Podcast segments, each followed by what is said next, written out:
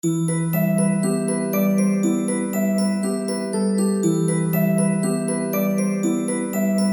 bij weer een nieuwe aflevering van Beyond the Game. Ik ben Yves En ik ben Marloes. en deze keer hebben we drie escape rooms voor ons. Logic Locks, Entered en Avalanche Shadow. Voor ons zitten Jeroen en Alex. Heren, hallo. Hallo. Hallo. Vertel eens een keertje, wie hoort bij wie, wie doet wat? Nou, ik ben dus Alex en ik hoor bij Logiclux. Ja. nee, ik ben Jeroen. Ehm, ik hoor bij Entert. En ehm, ik doe dat samen met eh, Tim. Tim eh, die kon er helaas niet eh, bij zijn vandaag. En ehm, ja, samen hebben wij I Can Hear You. Dat is een real-life horror game. En samen met Alex en Maggie. En Maggie kon er helaas ook niet bij zijn vandaag, wat heel jammer is. Samen met z'n drieën hebben wij de Nightmare of Evelyn Shadow gemaakt. En misschien kan Alex eerst vertellen wat hij, waar hij van is. Eh, ja, ik ben Alex eh, van Logic Logs. Ehm, ik heb, oh, het was rond zeven jaar geleden Logic Logs opgericht, samen met eh, twee collega's. Ehm, daarvan is maar nog één over. Sander, die is er nog over. en ja, we hebben onder meer ja, de Secret of Eliza's Heart gebouwd, de Amsterdam Catacombs en heel veel verschillende custom experiences. Ehm, onze laatste ontwikkeling was het The Verdict. En eh, ja, dan Evelyn Shadow. Ja. Oké, Alex. ehm, Logic Locks, eh, je, zei, je haalde het net aan. Ehm, de aflevering eh, die we vandaag maken gaat over, specifiek over horror games, over unieke locaties. We gaan het dus vooral over Amsterdam Catacombs hebben. Dat speelt zich volledig af in een kerk. Ja, dat eh, klopt. Ja. Eh onder een kerk, om precies te zeggen. Het is in de Postonkerk in um, in Amsterdam. En eh, ja, het is een eh, echt een geweldige kerk. Ik weet niet of eh, wie die kerk al gezien heeft. eh, ja, ik ben er al geweest. Ja, ik er nog niet. Dus zou je mij misschien Oh, eh, een klein beetje Oeh. kunnen vertellen wat het, eh, wat het inhoudt? En wat ik kan Ehm, verwachten? Ja, wat je verwacht. Dus ehm, ja, de, de kerk zelf is natuurlijk ontzettend mooi. En als je daar buiten eh, 's nachts staat en een beetje aan het wachten bent, eh, dan denk ik, eh, bouwt de spanning al op. Ehm, en eh, het spel zelf vindt plaats in de catacombe, als de naam al zegt, onder de kerk. En dat is een echte catacombe. Eh, eh, dat is natuurlijk een gerenoveerde catacombe, die we dan weer heel vies hebben gemaakt. Mooi. Daar, zullen ze blij mee zijn. ja. ja, dat is natuurlijk een hoorspel wat een, zeg maar, een fictie, het- vindt plaats in een fictieve geschiedenis van de Postonkerk. We zetten een beetje het verhaal op alsof eh, onder de stad van Amsterdam een echte eh, Amsterdam catacomb zit. We hebben dan een neppe plattegrond van eh, die wij eh, graag aan alle toeristen laten zien en eh, hun uitleggen hoe groot en te ontzettend ingewikkeld het eh, netwerk van tunnels onder Amsterdam is. En, ehm, en eh, ja, een verhaal onder eh, was de het verhaal over de cryptkeeper onder de catacombe. En er is een meisje, een, een van, eh van Nans. Nans? Nonne?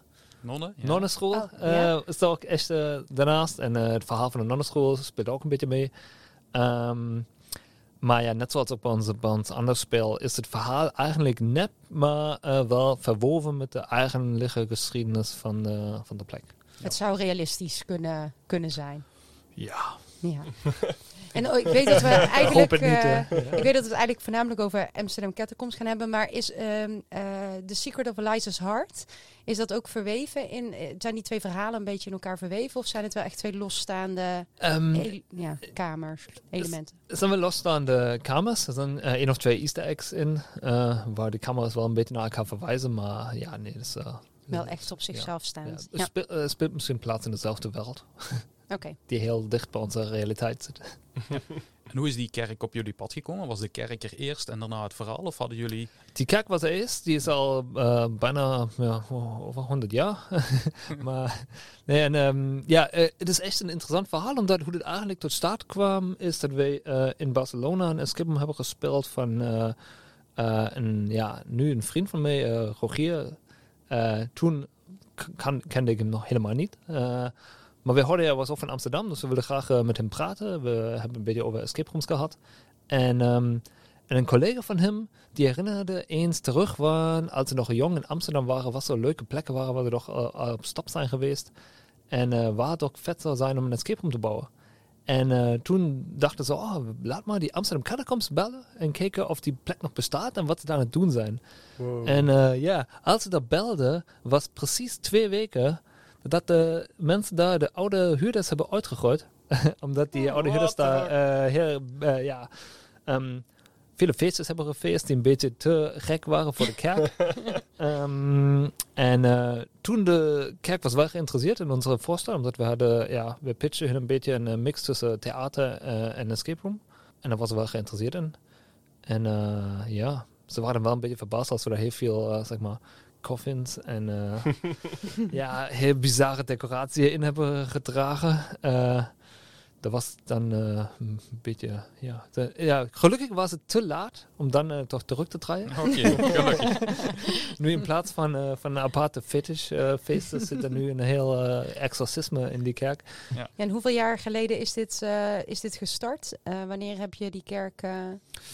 Dat was ongeveer drie jaar geleden, denk ik, ja. Oké, Het laatste jaar telt niet echt mee, denk ik. Ja. ja. Nee, ja. Ja, meestal hebben zo'n panden ook een, ja, een beetje een uitdaging op bepaalde vlakken. Was, de, was die kerk ook bepaalde dingen die jullie wel mochten of niet mochten? Ja, ehm, inderdaad. eh, dus ehm, we hebben een heel ja, mm, specifieke eh, hoe zeg je dat, afspraak met de kerk. Omdat eh, alleen een, een bepaald onderdeel van die catacombe mogen we echt altijd gebruiken. Dus ook een bepaald onderdeel van die catacombe waar we echt ehm, decoratie en eh, installaties kunnen opzetten die daar altijd eh 24 uur per dag eh, zijn. Ehm, en een groot ander onderdeel van, van het pand moeten we in staat zijn om leeg te halen. Dus ehm, dat heeft Mm. wel het design van het Ah, ja. spel een beetje beïnvloed ook. Ehm, ik weet niet ja, of... Ja, ik wil natuurlijk het spel niet helemaal doorlopen nu, maar er zijn verschillende ruimten in het spel waar je zien kan dat die helemaal anders gedecoreerd zijn en ook anders in het spel worden gebruikt dan de ehm, centrale eh, speelruimte.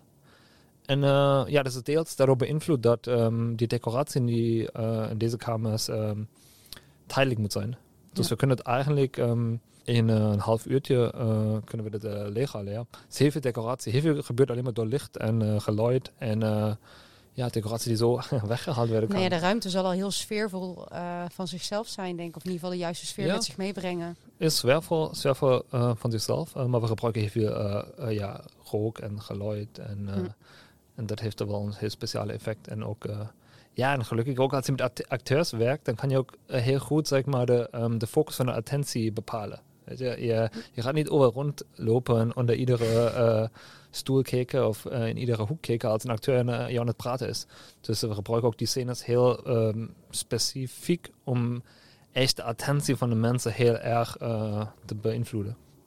Gebeurt dat vaak dat je het moet eh, opruimen? Dat je moet leeghalen, die ruimte? In het begin is het ongeveer vijf, zes keer per jaar gebeurd. Oh, dat valt Nu- reuze mee. Ja, nu afgelopen jaar helemaal niet. Eh, Oh, chill. Maar ja, het gebeurt soms, ja. Nu kan je het- gewoon laten staan. Nu kunnen ze niet meer ja, terugdraaien. het enige keer dat we het leeg hebben gehaald was voor een, eh, voor een eh, bruiloft van eh Rogier's zus. Oh ja. Ah, En voor denk ik ook toch? Oh ja, dat klopt. Ja, inderdaad. We deden ook zo'n soort van role- role-playing game in de kerk. Uh, Mobster Mayhem. Misschien hebben sommige mensen ervan gehoord. Eh, dat was voor ons meer de eerste keer dat we Ja, echt daar eh, hebben denk gespeeld. ik. Ja, Ja. Ja. Eh, ja dat, dat deden we ook in de kerk. Ja, dat was wel vet daarvoor eigenlijk. Ja. Ja, dat is een van de jammer. Een van Nee, de daar heb reden. ik Maggie voor het eerst leren kennen. Ik heb jou op de game leren kennen. Mm. eerst. Ja. Ja. Ja, het is he- helaas kunnen we, is het een van de redenen waarom we Mobster Mayhem niet meer zo vaak doen, is omdat eh, de catacombe te veel geld maakt. Je wilt, eh, ja. je wilt hem niet afbreken. Ja, je kan Ja. het leeg halen om dan een ander spel op te zetten voor e- één avond per Ja. week. Is echt, eh, is het Ja. helaas, je verliest geld dan. En ja, Ja. dat, dat mag Ja. dan ook niet. Hè. Eh, Jeroen, eh, jullie hebben hier met, eh ja, met Entert eigenlijk hetzelfde. Hè? Jullie zitten in een oud verlaten ziekenhuis. Klopt. ja, Ehm, daar zitten we nu, hè. Ja, samen met Tim eh, run je hier al hoeveel jaar Entert? Ehm, in 2018 is I Can Hear You eh, begonnen. Want hoe is het ziekenhuis op jullie pad gekomen? Nou moet ik vooral zeggen dat het eh, Tim is die het in het begin heel erg gerund heeft. Ik ben vooral de ontwerper eh, geweest. Ja, hoe dit op zijn pad is gekomen. Tim die had hier, eh, die wilde heel graag eigenlijk een escape room eh, beginnen. En ehm, nou, die had hier het hele ziekenhuis, eh ging eens rondkijken. En er waren hier dus ruimtes beschikbaar. Er waren meerdere mensen die hier in het ziekenhuis dingen konden gaan doen. Er zouden ook sowieso boven, op de bovenste verdiepingen, zouden dus mensen anti-kraak gaan wonen. Er heeft ook een muziekschool in gezeten. Nou, Tim heeft een aantal kamers toegewezen gekregen om een escape room te beginnen. Ehm, en dat bleek dat hij er best wel makkelijk meer kamers bij kon krijgen. En het kon best wel groot. En ehm, ik zat toen de tijd, werkte ik nog voor een Amerikaans bedrijf. Ik zat nog in de videogames. En ik wilde al langere tijd ehm, de overstap maken naar ehm, ja, real-life games eigenlijk. En ja, misschien kort heel, ik zal niet te lang erover uitweiden, maar het sprak mij eh, überhaupt waarom ik eigenlijk game design was gaan studeren, was eigenlijk om het maken van interactieve ervaringen. En eigenlijk eh, wat me heel erg aansprak was het creëren van avonturen voor mijn vrienden. Want eh, ik was op hele jonge leeftijd, was ik eh, op mijn 19 al ben ik een wereldreis gaan maken. En die avonturen die ik daar beleefde, die wilde ik heel graag delen met, met, met, ja, met mijn maten. Hè. Alleen ja, mensen meekrijgen op reis, dat is niet zo makkelijk. Dus ik dacht, oké, dan moet ik die, die belevingen maar naar hun toe gaan brengen. Ja, toen, überhaupt in mijn studententijd, toen eh, eh, dacht ik eerst, oké, ik moet iets, ik wil iets gaan studeren. En het meest prominente interactieve medium, dat was videogames. Dus eh, dat wilde ik gaan doen. Alleen in mijn vrije tijd ik altijd heel, ehm, heel erg ehm, ja, avonturen organiseren voor mijn vrienden. En dat is ook wel heel leuk, want zo heb ik dus ehm, Raymond leren kennen van eh, Gloeidraad. Of tenminste onder andere daardoor. Hij zat ook, eh, ook eh, op dezelfde school. Alleen ik deed videogames, hij deed heel iets anders. En eh, ehm, nou goed, ik, ben heel, ik heb zeven jaar lang in de videogame-industrie gewerkt. Ik heb ook mijn eigen horrorgame gemaakt. Ik ben ook afgestudeerd op horror. Ik heb daar mijn scriptie over geschreven. Dus dat vond ik echt helemaal geweldig. En ehm, ik was zo net dus bezig toen Tim weer het ziekenhuis aan het kijken was om naar real-life games over te stappen. Ik had toen net vernomen dat eh, ik wist dat escape rooms bestonden. Ehm, nou was ik niet zozeer van het puzzelen, maar ik zag wel van hé, hey, maar wacht even, dit zijn letterlijk thematische avonturen die mensen maken, waar mensen mee worden genomen op een hele beleving. Ja, dat, dat wil ik ook doen. Alleen ik denk van ja, je hebt puzzle games. Ehm, ik zeg het gewoon echt als, als genres bij videogames. Je hebt ook puzzle games in, in videogames. Maar je hebt ook eh, strategy games, je hebt shooter games, je hebt ook dus horror games. En dat wilde ik gaan doen. En toen eh, ben ik in contact gekomen met Rick Stapelbroek van eh, Real Life Gaming. Die eh, van Prison Escape. Ik weet niet of jullie dat eh, kennen. Hebben jullie Ja. dat toevallig gespeeld? Ja, en ook gespeeld. Ik in ieder geval wel. Jij? Nee. Oh, oké. Ehm, nou, ten manier van met hem, eh, ehm, daar, eh, daar heb ik wel een klus voor kunnen doen, ook voor Prison Escape, maar ook voor een nieuw project. Dat is toen nooit helaas van de grond gekomen, maar dat was een beetje half-half. Ondertussen bleef ik werken voor het Amerikaanse videogamebedrijf. En ehm, dat deed ik toen tegen die tijd al remotely. Ik heb al een tijd in Amerika gezeten, maar dat kon ik nu gelukkig vanuit eh, thuis doen. En toen kwam ehm, Raymond, ehm, eh, die had, eh, Tim had Raymond benaderd, dat gloeit er dus benaderd van hey, ehm, ik wil graag een escape room hier eh, bouwen in het ziekenhuis. En Raymond had al heel snel door van ja, maar eens even, je hebt hier wel heel veel ruimte. Ehm, ik denk niet echt dat dit een, geschikt is voor een traditionele escape room. Volgens mij kunnen we hier iets veel vetters neerzetten. En is dat ook geschikter. En Raymond had toen mij benaderd en gezegd van... Hey ehm, Jeroen, ik heb hier een verlaten ziekenhuis. Eh, volgens mij kunnen we hier horror. Ik weet dat je hier stap over maken. Ehm, laten we dit eh, samen gaan aanvliegen. En ze hadden toen ook eh, best wel druk. Ze hadden heel veel klussen. Dus ik heb dat toen echt met, vooral met Raymond kunnen, kunnen oppakken. En ehm, ja, Gloeiter was toen sowieso... Die, die bouwen heel veel escape rooms. Die hadden ook meerdere projecten tegelijk lopen toen. En eh, zodoende kon ik hier eh, het, eh, ja, I Can Hear You ga- gaan ontwerpen. En zo heb ik dus eigenlijk Tim pas leren kennen. En zodoende is het uiteindelijk dat we dachten van... hé, hey, wij, willen, wij willen dit verder gaan doen. Wij willen hier gewoon verder mee gaan. Ja, en zo ontstond dus I Can Hear You. Kan je ons daar een klein beetje meenemen wat dat dan inhoudt? Ehm, ja, I Can Hear You is eh, wat wij zeggen een real-life horror game. Eh real-life game, die term die heeft eh, Rick Stapelbroek volgens mij gecoind, toch? Ik denk het wel. Ja, dat kan. Ja. Ja, ik denk dat hij die heeft eh, ehm, bedacht, die term. Maar daar ben ik het gewoon heel erg mee eens. Want ja, ik, ik maak games en dit is dan een game dat je dan in real life doet. Dus niet zoals je in een videogame hè, speel je achter een computerscherm, dan heb je die graphics voor je. Nou, hier speel je dus echt op locatie en je kan alles ruiken, voelen, aanraken. In plaats van dat je op een computer tegen een NPC speelt of een computermannetje, hebben we hier een echte professionele acteur die je tegenstander eh, is. Eh, in plaats van dat je een koptelefoon hebt, hebben wij de speakers in de ruimte. Nou, dat heeft een escape room natuurlijk ook. Maar ehm, het is dus echt dat je eigenlijk een horror videogame speelt, maar dat jij dan zelf er echt middenin staat en alles kan doen. En ook op het moment kan beslissen van, hé, hey, ehm, ik ga hier staan, ik ga deze keuze maken. En aan die keuze die je maakt zitten dan ook consequenties ehm, verbonden. Dus ehm, waar je bij een escape room eigenlijk voornamelijk je progressie bepaalt van door de puzzels op te lossen. Dat is de enige manier om vooruit te gaan. Is het hier van oké, ik kan alleen vooruit gaan door moeten tonen of te durven of eh, hè, ik, eh, de, de opdrachten te voltooien of de juiste beslissing te maken. En het is bij ons ook best wel open en, en organisch waar je gaat staan. Je kan eh, bij punt 1 beginnen, maar je kan ook bij punt 4 beginnen. Dat maakt eigenlijk helemaal, Ja. niet, eh, helemaal niet uit. Natuurlijk hebben we er wel een ideale rode draad in voor wat het makkelijkst is. Maar ja, in principe kunnen mensen gewoon gaan doen wat ze, wat ze willen. Ja, dat is bij jullie iets anders, eh, Alex. Uh, ja, inderdaad. Ja, um, ja, Amsterdam Catacombs as well is an escape room, I would say. Maar we wilden wel um, het um, concept van escape room, um, zoals we het kenden, we wanted to, uh, oh ja, ik zag het even in Engels als ik kan. Hè. We, Ja, no we, we, wanted to elevate it uh, by adding some elements that we uh, we thought would really help uh, with uh, with the immersion of the of the world that we wanted to create. So um, we uh, were taking the initial, like the the, the the typical activity loop of an escape room, like the bottlenecking through puzzles and uh, uh, guiding people's attention and focus through puzzles, and um, pressing it into like a little, uh, yeah, immersive theater play. So it has these like elements of, yeah, a little bit of like interactive theater, and maybe a bit more of a, yeah, a bit more of a narrative element that is a bit stronger than at least in most of the escape rooms that we had played uh, due to at that point in time. Alex heeft dus I Can Hear You gespeeld en ik had Amsterdam Catacombs gespeeld. En dat was ook wel de inspiratie dat, dat we van elkaar onder de indruk waren. En ook heel veel complementaire elementen zagen. En daaruit dachten we, hey, we willen eigenlijk eens samenwerken. En daar is dan dus ehm The Nightmare of Evelyn Shadow eh uit Yeah. ontstaan. Yeah, yeah, yeah, definitely. I think like, uh, uh, well, should we already go to go there? Or, or? we moeten nog bewaren voor het ja, ja, bewaren nog een beetje. Ja. Ja. Ja, daar gaan we het straks nog uitgebreid over hebben, over Evelyn Shadow. Ja, waar ik op zich wel benieuwd naar eh, ben, is eh, nou, bij, Jo- eh, bij jou, Jeroen, hoorden we hè, dat eigenlijk die horror al vrij vroeg een passie voor je, voor je was, ook in de Ja. horror games. Ja. Ik vraag me eigenlijk af eh, voor jou, eh, Alex, of dat, dat ook het geval is geweest. Wat is, heeft horror je altijd ge- getrokken of is het meer de kerk was daar en toen ontstond het horror-thema? Yeah, dus Amsterdam Catacombs was on, uh, it was our first horror game. Mhm. Um, and it was indeed because of the church and like that the it, it kind of screamed horror at us.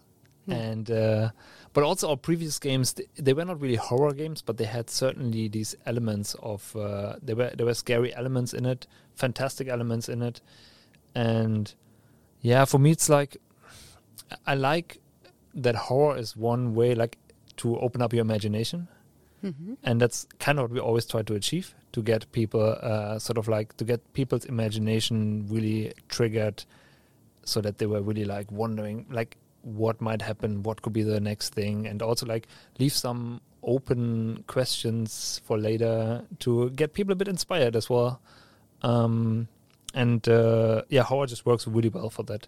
But also the whole idea of like mystery and the occult uh, together with puzzles there is like a organic blend you know these are these these elements they kind of belong together so um, they have always been part of uh, of our sort of like creative uh, juices Was het altijd de bedoeling om er ook een acteur in te verwerken? uh, for the Catacombs yes yeah yeah Ja, bij Entert neem ik ook aan van wel. Ja, het concept kan gewoon niet zonder eh, acteur. Dat is gewoon onmogelijk. Ehm, sterker nog, ik denk dat we er bijna alles omheen gebouwd hebben. Misschien, misschien goed om uit te leggen van wat het dan anders maakt dan een escape room, is dat hoe ik altijd dingen ontwerp en wat we leren vanuit de videogame-industrie. En dat is denk ik ook wel een groot verschil met eh, mensen die dan bijvoorbeeld uit de theaterwereld komen of ehm, uit film. Is dat ehm, alles eigenlijk draait om een game mechanic. Dus dat is eigenlijk het basis interactie, wat, wat jij doet als speler. En ehm, bij I Can Hear You is dat geluid. Eh, voor de mensen die, die... Ik ga nu wat vertellen over I Can Hear, dus voor mensen die, die misschien niet eh, willen weten nog. Maar principe draait alles om geluid. En ehm, elk geluid wat jij maakt of wat je doet, daar zit een consequentie aan verbonden. Maar ook alle opdrachten zijn daar omheen gebouwd. Dus, en ook eh, het verhaal is er om, eh, omheen gebouwd. En ook de licht en het geluid. Dus als jij bijvoorbeeld ehm, geluid maakt en ehm, nou, dat kan bepaald, een bepaalde moed van de acteur eh, triggeren. Die acteur gaat zich anders gedragen. Maar ook de licht en het geluid veranderen. Die, de hele sfeer wordt omgebouwd. Ehm, en er zijn ook verschillende manieren waarop die acteur dan eh, reageert. En dat is eigenlijk de core game mechanic. Nou, bij schietspellen bijvoorbeeld is, je hebt dan de core game mechanics het schieten. Daar gaat ook alles daarom. Dan gaat omheen het mikken, de verschillende wapens, de verschillende um, reload of kogels en dergelijke. Nou, bij ons is dat game mechanic dus de interactievorm van geluid. En daar zijn eigenlijk alle systemen en ook het gedrag van acteur en e-, echt alles is daaromheen gebouwd. En ja, zoals je zelf al in het begin uh, zei, voordat we hier begonnen, is van dat daardoor ja, een heel gefocust en, en um, eenvoud. Uh, daar hou ik wel van. Dat het gewoon heel erg um, allemaal bij elkaar, bij elkaar aansluit en past, zeg maar. En dat vind ik dan elegant uh, ontwerp. En dat, ja, het verhaal lijkt in eerste instantie heel eenvoudig, maar die gelaagdheid komt pas achteraf. Die, die consequenties, die kom je tijdens het spel pas te weten. Ja, inderdaad. Wat ik dan heel leuk vind, is dat, dat dus mensen ook echt iets leren en daar steeds beter in worden. Dus in het begin moeten ze überhaupt, ja, ik zal dus niet de clue vertellen, maar goed, mensen die moeten dus überhaupt leren omgaan met wat er gebeurt en informatie tijdens de game uh, verwerken. Uh, en ze komen ook niet verder tot ze dat geleerd hebben. En op een gegeven moment weten ze dat, oh, ik kan niet verder komen. En nu, daarna komen er moeilijkere uitdagingen die erop voortbouwen. En zo leer je eigenlijk je spelers steeds slimmer worden en um, um, groeien ze daardoor ook. En daardoor wat escape rooms dan bijvoorbeeld doen, en daar zijn escape rooms dan weer heel goed in. Hun puzzels zijn vaak heel gevarieerd. Dus je hebt veel variatie, je hebt veel verschillende elementen die aan bod komen. Dus je hebt, maar tegelijkertijd moeten die puzzels altijd door één ieder los van elkaar op te lossen zijn, zonder voorbedachte kennis. Waardoor je nooit voortbouwt op je kennis, waardoor um, op die manier eigenlijk nooit diepgang wordt opgezocht. En dat wil ik, ik wil, daarom wil ik dus de andere kant op gaan. Ik wil graag één ding en daarvan leren en daarop voortbouwen. Uh, en dat zie je ook heel erg terug in videogames. Die hebben ook vaak één mechanic en dan leer je dan steeds meer. En dat, is, uh, dat vind ik dan heel interessant. Dus dat je echt zo'n... Een, een, een level systeem bij Ja, een skillset ja. ontwikkeld ja. Uh, gedurende het ja, spel. inderdaad. Dat je, en dat, dat, dus dat het spel ook groeit en dat je dus daar een reis samen doormaakt. Um, ja, voordat we uh, een, een, aflevering opnemen, vragen we vaak aan mensen of dat ze wellicht ook vragen hebben uh, oh ja, voor onze leuk. gasten. En die hebben we. Nice. En uh, hey. dit is een vraag die hebben we gekregen van Gijs Geers. Ja. Gijs. Gijs, ja, Gijs ja, heeft een vraag wie, wie ingestuurd. ja, wie, wie is Gijs Geers? Ja, is aflevering 2 van onze podcast. ja. Oh, okay. Nee, nee. En deze is wel specifiek gericht aan, aan jou, Jeroen. Leuk omdat hij over I Can Hear You gaat. Ja. En de vraag is, uh, waarom is I Can Hear You niet als een escape room in de markt gezet? Zien jullie dat nu anders? Oh, goede vraag. Oh, wat leuk. Ja, ik heb het ook een keer, een keer over gehad met Gijs. Alleen dan wat vroeg uh, iets ander, uh, anders geformuleerd. Um, ja, omdat toen de tijd... Um, het is eigenlijk denk ik heel gekomen wat ik net ook een beetje vertelde. Ik, um, mijn aanrakingen met deze industrie is eigenlijk gegaan via real life gaming dus van Prisonscape, die zichzelf ook heel duidelijk anders uh, gebrand hebben. En um, tegelijkertijd, uh, wat, wat, uh, daar, wat Rick mij toen vertelde, was dat zij ook ooit een keer op um, Escape Talk of Escape Rooms Nederland of beide gestaan hebben. En ja, ze hebben eigenlijk geen puzzels in hun, in hun game. En daar zijn ze heel goed op afgebrand en dat ook eigenlijk geen escape room is. Uh, en de tweede, en dat is misschien wel de voornaamste reden, is dat ja, ik kom dus uit de videogame-industrie, wat ik zei. En ik zag dus heel duidelijk van ja, videogames heb je ook meerdere genres. Um, en ik dacht, maar ja, voor real-life dingen heb je ook misschien meerdere genres. Misschien zou je kunnen zeggen dat paintballen of lasergamen het shooter-genre is, of dat kart het race-genre is. En dan, ja, escape rooms, er werd toch altijd heel erg duidelijk gezegd van dat, dat, dat escape rooms is puzzelen. Dat gaat om puzzelen. Dus ik dacht van ja, dan, we hebben eigenlijk niet echt puzzels in. Um, in I Can Hear You. Nou, um, zijn daar ook meningen over verdeeld, maar wat, wat mijn, um, um, hoe zeg dat, mijn betekenis van puzzelen is, is wat mij altijd geleerd is ook op, uh, op, op de game design school, is dat puzzelen betekent dat het iets is wat je niet de oplossing van weet en ook niet weet hoe je het moet oplossen. En dat hoe je dat moet oplossen is het aha-momentje. En als je dat eenmaal weet, daar, dat is de fun erin.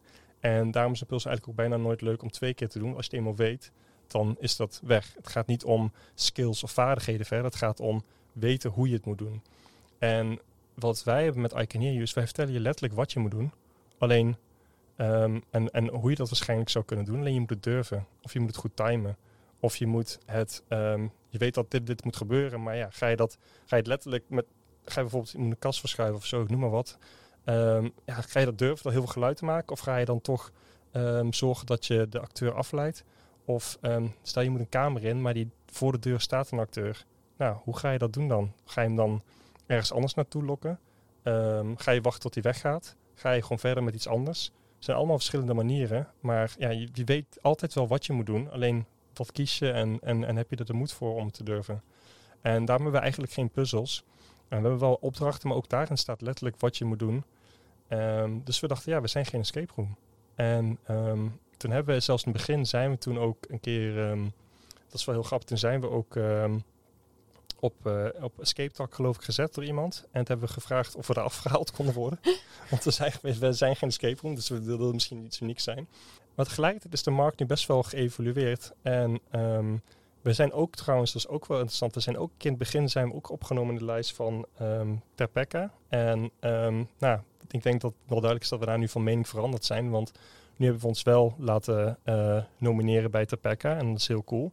En dat is onder andere eigenlijk ook door Gijs gekomen. Want die heeft me wel laten inzien van, ja maar ehm, er is heel veel overlap qua spelerspubliek.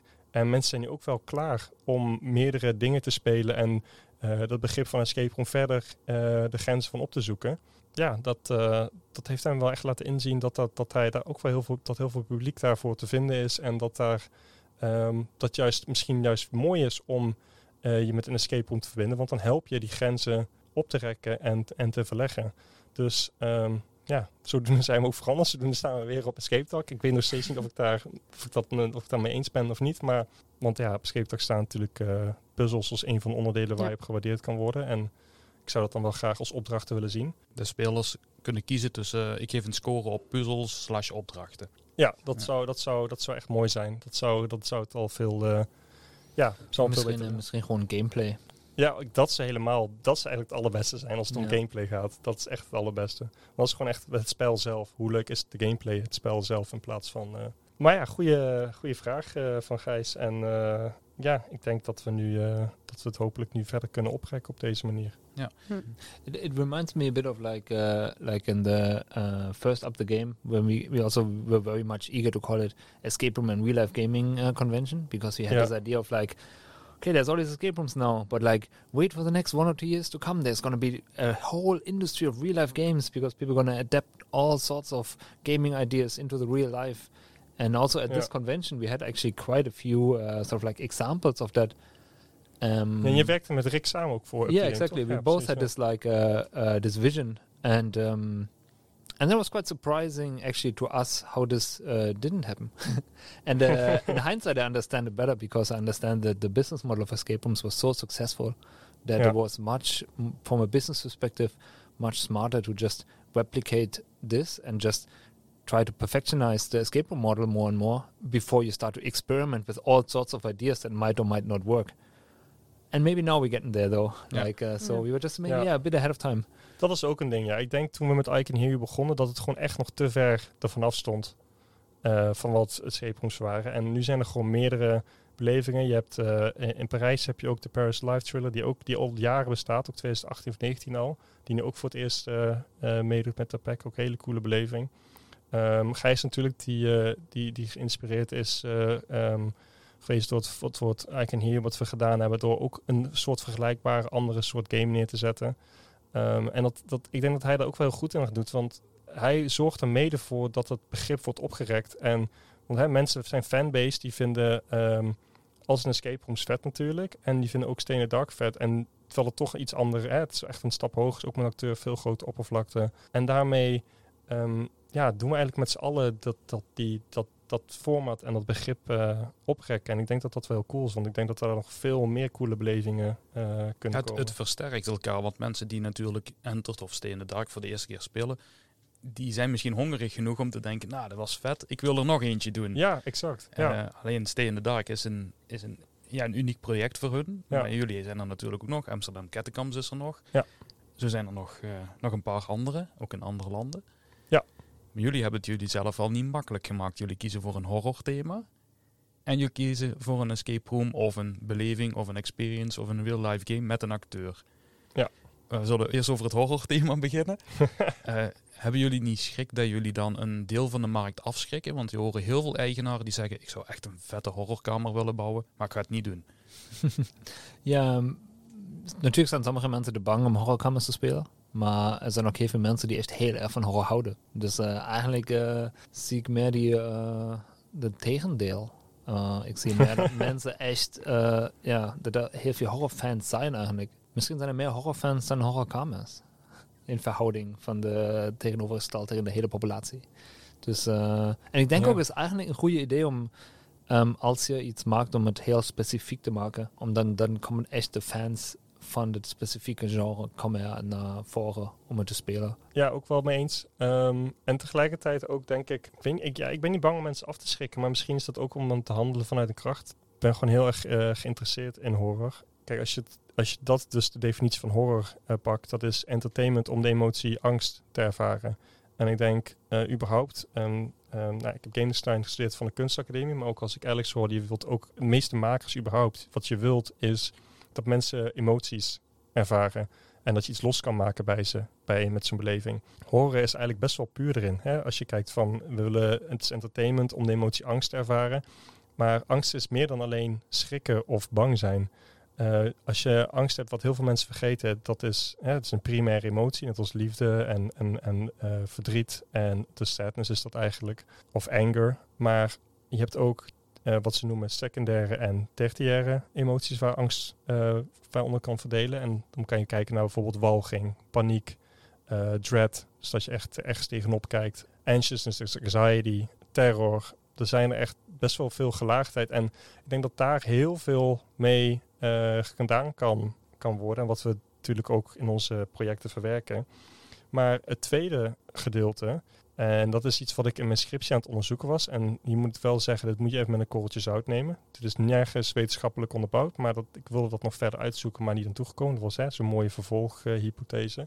maar waar ik, eh, wat, wat ik heel interessant vond, is dat hè, wat wij ons mens maakt en de manier dat wij met mens, als mensen met elkaar verbinden en connecten, dat is eigenlijk op emotionele basis. Dus ehm, jij kan wel bijvoorbeeld, Yves, je kan vertellen van ja, ik heb echt iets heel shits meegemaakt. En ehm, die situatie leg je dan helemaal uit. En ik kan nooit in die situatie hebben gestaan of van jou meegemaakt. Maar wat ik wel begrijp is die boosheid die je ervaart. Of dat verdriet dat je hebt. En dat, op dat niveau kan ik wel met je eh, connecten. En ik denk in zekere zin ook dat wij als mensen eh, behoefte hebben om die emoties allemaal te ervaren. Zo is bijvoorbeeld wel, en dat is wel wetenschappelijk eh, onderbouwd, dat mensen die ehm, diepe dalen ervaren, ervaren ook veel hogere highs. En andersom, terwijl mensen die nooit en door een diep dal gaan of en, een echt een aantal negatieve emoties ervaren, dat ze sneller afvlakken en ook geen hogere piek ervaren. Dus ik denk dat er altijd wel een soort behoefte ook is om alle emoties te ervaren. En dat misschien ook de reden is waarom je bijvoorbeeld bijna nooit horrorgames zult terugvinden in landen waar oorlog heerst of dergelijke. Terwijl die hebben heel veel behoefte aan vrolijke emoties te ervaren en het goed te hebben. Maar ehm, dat wij hier dus merken is dat wij met onze horrorgames de, bij mensen juist uit de dagelijkse sleur kunnen trekken. Even wakker kunnen schudden en even helemaal hun lijf laten voelen. Dat ze weer een adem horen slaan in hun keel en een hart horen kloppen in hun keel. En helemaal, in een, helemaal zich alive voelen als het ware. En ja, dat vind ik dus heel cool. En ik denk zeker hoe, hoe veiliger onze samenleving wordt. Jammer genoeg nu iets minder veilig met, met corona en dergelijke. Maar ik denk wel hoe, hoe verder we naar de toekomst gaan, als je kijkt naar de geschiedenis, hoe vlakker onze maatschappij wordt. En ik denk dat alleen maar de behoefte voor het, het ervaren van spannende en, en thrilling dingen, dat het alleen maar groter gaat worden. Sorry, ik ben heel erg, heel, erg- heel, erg, heel groot eh, antwoord gegeven, maar Nee, ik denk dat het een hele filosofische kwestie bijna wordt, zeg maar. Nee, en ook heel interessant moet ik, eh, moet ik zeggen. En we hebben nog een, eh, een luistervraag die ik denk hier wel mooi op, eh, op aansluit. Hè? Want eh, met een eh, horror game experience ben je natuurlijk bepaalde emoties eh, eh, aan te wakkeren die je Ja. net ook aangaf. En hij vraagt zich af, wat is de drempel van te ver gaan bij een enge kamer of bij een enge experience? Of kun je daarin niet te ver gaan?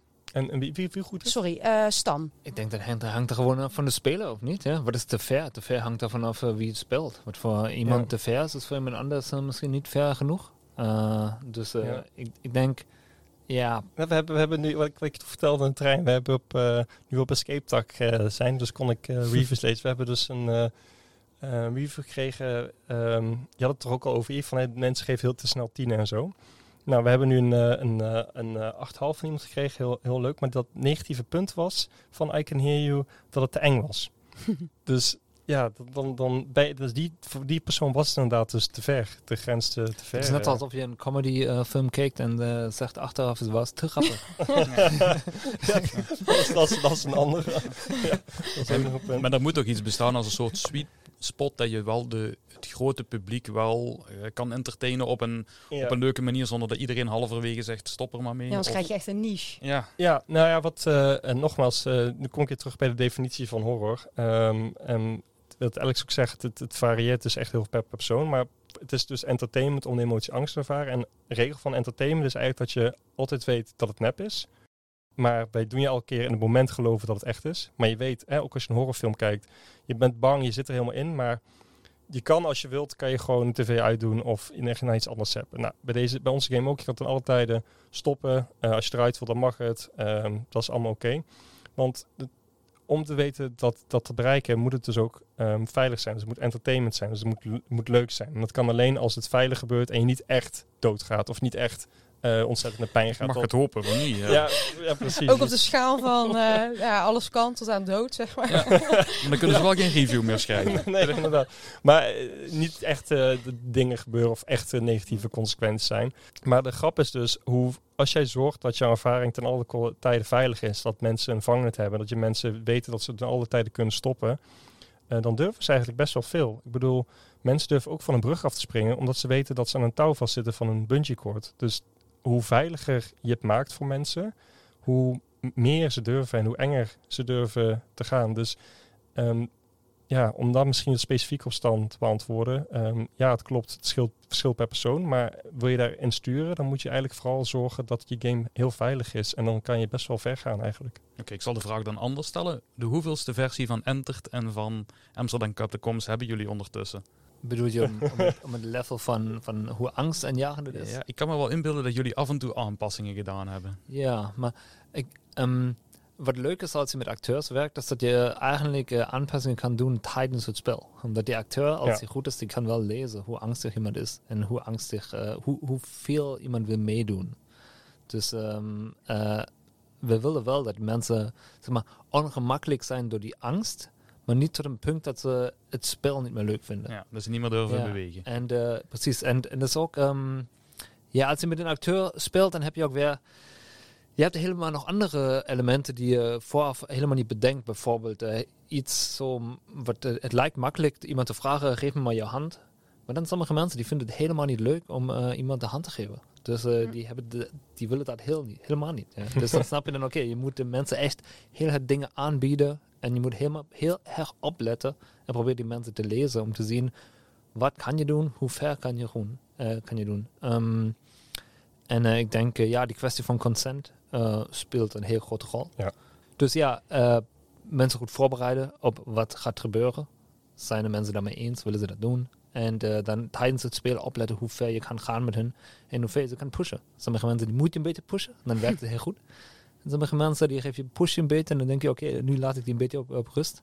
Ja, dat is niet altijd makkelijk, maar ehm, dat is eigenlijk het, de, de, het beste tool dat we hebben om, eh, om, om ermee te werken. Ja, en ik moet ook met, ik, de hele tijd in mijn hoofd zitten, jullie moeten leuke anekdotes hebben. Dat kan niet anders met zo'n thema.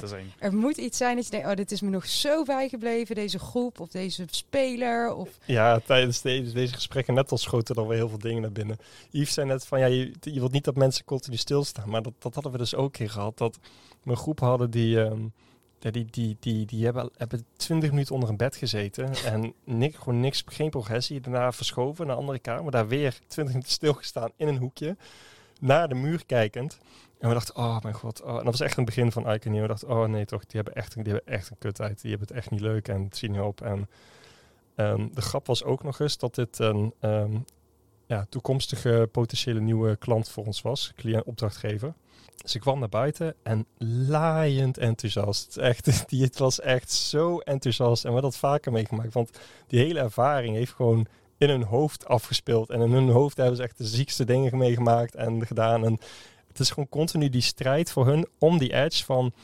ga ik wel iets doen, ga ik niet iets doen? Ga ik een keuze maken, durf ik te bewegen of toch weer niet? En weer terug. En ehm, dat, dat heeft een helemaal in hun lichaam gezogen en in het moment. En ze, elke seconde tikte als, als 10 seconden voorbij, vertelde ze. En de tijd was helemaal vertraagd. En ja, het was echt... Dus wij vonden dat fantastisch. En dat hebben ze sindsdien vaker gezien. Dus dat mensen toch, ondanks dat, eh, een toptijd kunnen hebben zonder ook maar een meter vergoerd te hebben. Ja, die, die, die opdracht daarna hebben we binnengekregen. Dus dat was ook wel cool. Ah, mooi. Ja, want als iemand zo verstijft, heb je dan ook nog iets van tools om iemand wat meer at ease te krijgen, zodat ze toch nog een klein beetje het spel gaan ervaren? Of is het dan, ja, kan ik niet zoveel meer aan doen, want dit is gewoon de ervaring? Ja, Ja. Kan, het, kan het zoiets stom zijn als het licht wat feller maken? Of, eh, Ehm, nou, het is vooral de acteurs aanwezigheid die, eh, die kan helpen of minder helpen. Ehm, en maar ja, je speelt natuurlijk in een groep. En ehm, in dit geval was het zo dat ze alle drie inderdaad heel bang waren. Dus dan kan je inderdaad de intentie verlagen. Dat kan je met de muziek doen, dat kan je met de lichten doen. Dat kan je ook met eh, hoe de acteur gedraagt en speelt. Dus dat is wel heel fijn wat Alex ook zegt, dat je een acteur hebt. Ja. Dat je dan eh, kan meeschalen. En onze acteurs voelen het echt wel goed aan hoe intens ze kunnen gaan. Dus dat, dat schaalt wel heel, heel fijn. Eh, maar je hebt natuurlijk ook wel eens dat er één persoon het heel eng vindt en de rest eh, die, die gaat gewoon goed. Ja, dan is het eigenlijk taak, en dat is juist ook wel mooi, eh, aan die groep om eh, diegene mee te slepen of te helpen. En dat is leuk, want dan ontstaat dus echt dat teambuilding en die banden die geschept worden en dat mensen elkaar helpen. En ja, dat vind ik alleen nog maar vetter. also what's pretty interesting about like horror and uh, fear is that um, uh, you have the, you have the tension and then you have the shock and the relief and uh, sometimes what really breaks people is if you have too for too much time just tension like the tension is really what messes with people because they are so afraid of the inevitable shock Yeah. and um, Yeah. actually giving them the shock can help to afterwards make them feel better because you give them the shock and then you offer them the and you will often see they have a shock and quite often after a shock they might even laugh about it because they know it's safe they they know it. so so so so that's also why humor and horror and the whole shock element of it is often much closer than we think and um yeah so so giving them the shock actually helps and yeah, it releases. no- yeah. So so so so experience that are very tense for a long time. That's actually what gets what really gets to people. Um, Ja, ja, ik denk dat ik dat ook wel kan beamen hoor, want ik ben dus zo iemand. en eh, ja, inderdaad, zo'n zo'n zo'n spanning, dat, dat vreet je op een gegeven moment op. En daardoor bevries je, want je denkt, ja, nu gaat het gebeuren, hè? Nu. Ja, nee, nu. Nee, nu dan. En daardoor ja, ben je eigenlijk niet meer met het spel, of ja, ik kan dan niet meer op het spel focussen. En eh, ben ik alleen maar mijn oren dicht aan het houden en proberen niet te kijken. Want ja, stel dat je net die kant op kijkt en dan, da- ah, daar is het. Dus ik herken wel wat je zegt van, hè, geef dan even die shock. Dan kan, kan Maar- iemand maar daarna eigenlijk- even... Maar eigenlijk doe je het dan perfect, Links. want zoals ik net al zei, van een horrorspel speel je dus om de emotie angst te ervaren. En als je die angst dus ervaart, dat is, het, dat is eigenlijk het doel van Ja, het dat is gewoon al als ik binnenloop, gewoon eh, in de ontvangstruimte. Dan, eh, Ja, dat is wel, Ja. dat is wel Ja. goed. Ik had dus de laatste drie, drie, drie vrienden die het voor het eerst I Can Hear You, eh, kwamen spelen. Dat, eh, dat werd echt tijd. En het enige wat ik tegen hen zei van, jongens, je weet dat je het goed doet als je bang bent. Want dat is, daar, daarvoor speel je het. En ja, dat, dat, ja die, die waren ontzettend bang. If I would play a horror game that I have to stop uh, at one point because it's too scary, I would like Ja, I would that would, applaud. that would be it. You know, like Yeah. I would totally be that's worth worth my money. You know, because I, uh, uh, yeah, I mean, indeed, that's what you come for. So Yeah. I, I think, um, yeah, th- th- that's where the limit. The limit is with the safety. That's what I think. Like, like I feel like it cannot be.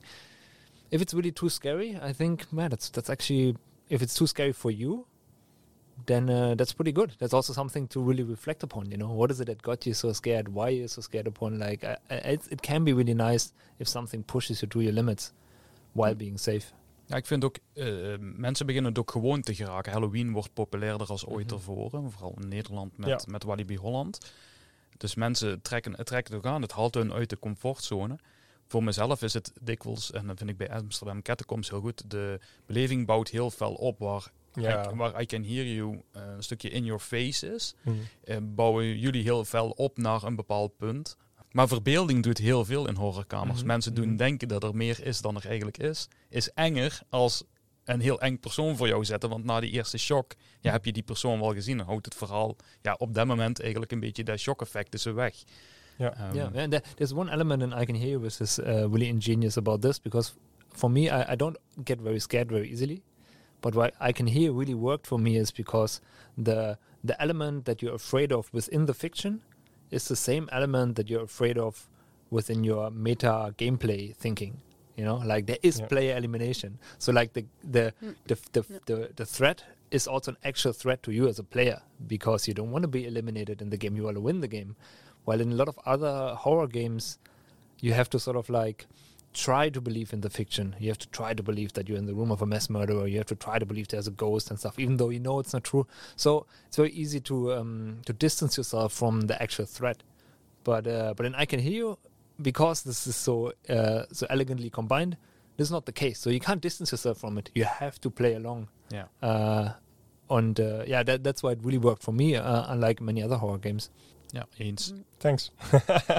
Ja, ik vind het wel leuk dat er een, een soort van consequentie is als je het spel niet correct speelt. Ja. Als, als ze op voorhand al zouden zeggen, de acteur mag jou niet aanraken. Of ja, er gebeurt niks als je iets verkeerd doet. Ja, dan ga je het spel automatisch al een beetje anders spelen. Dus ik vind die Ja. consequentie vind ik heel erg tof. Dat gezegd zijn, had ik absoluut geen zin om Amsterdam Catacombs slecht te spelen of zo. Oh die, die kans kreeg je ook niet. Dus, eh, maar we, we hebben het al een paar keer over gehad. De acteur, jullie maken er alle twee dankbaar gebruik van. Bij Entert weet ik dat er vrij specifieke eisen zijn aan de acteur. Ja, Leg alle twee eens uit, want het kan niet altijd makkelijk zijn om een goede acteur te vinden die, die dit wil blijven doen, maar die vooral een groep heel goed kan lezen. ja, nee, sterker nog, eh, onze acteurs beginnen weer op te raken. Dus ehm, mochten mensen interesse hebben om te acteren, meld je aan. Nee, eh, we, zoeken, we zoeken wel weer nieuwe acteurs. Ehm, we hebben nog, ja, dat, dat, dat is lastig. Maar ehm, ehm, ja, ten eerste bij I Can Hear You zoeken we op, eh, op, op de postuur is bij ons wel belangrijk. Ehm, want het is echt dat één, één acteur eigenlijk een hele groep moet kunnen domineren. En dat, ehm, je hebt ook, eh, onze capaciteit gaat tot zeven man. We hebben zelfs wel een paar keer acht man eh, eh, gehad. Ja, dan moet iemand ook gewoon echt sterk in schoenen staan. Eh, we doen ook heel veel training met zelfvertrouwen, met hoe je, ehm, ja, gewoon hoe je op verschillende situaties kan eh, reageren. En wat dan heel belangrijk is, is dat ehm, die acteurs moeten kunnen improviseren. Dus we doen dus met onze trainingen doen we echt de meest gekke situaties halen we naar voren. Die we weten dat zouden kunnen gebeuren. Of die we bedacht hebben dat zouden kunnen gebeuren. En toevallig ook later na een keer gebeurd zijn. En gewoon kijken, hoe gaat die acteur mee om? Hebben ehm, halen we hem van zijn stokje? Is hij verbaasd? Of weet hij, nee, oké, ik ga het zo aanpakken. En oefenen en trainen en conditioneren.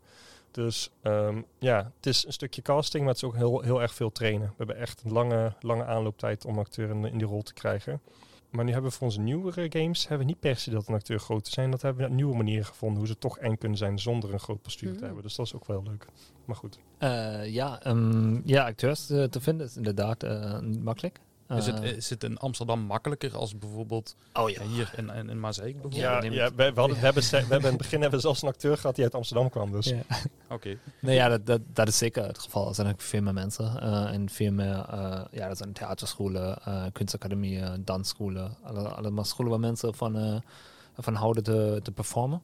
Niet iedere acteur die we hebben is ook, is ook echt een acteur-acteur. Zeg maar, niet iedereen, sommigen hebben wel op de acteurschool gezeten, maar de meeste mensen eigenlijk niet.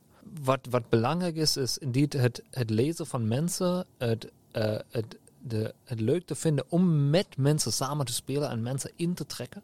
Uh, omdat het dus niet ja, als, je op, als, op een theater staat en je gewoon iets laten zien dat mensen je gewoon bekeken. Je moet echt naar de mensen naartoe gaan en de mensen intrekken. Dus het is heel belangrijk hoeveel charisma je hebt, hoeveel zelfvertrouwen je hebt om echt naar mensen te kijken en echt de, de connectie te maken met de mensen.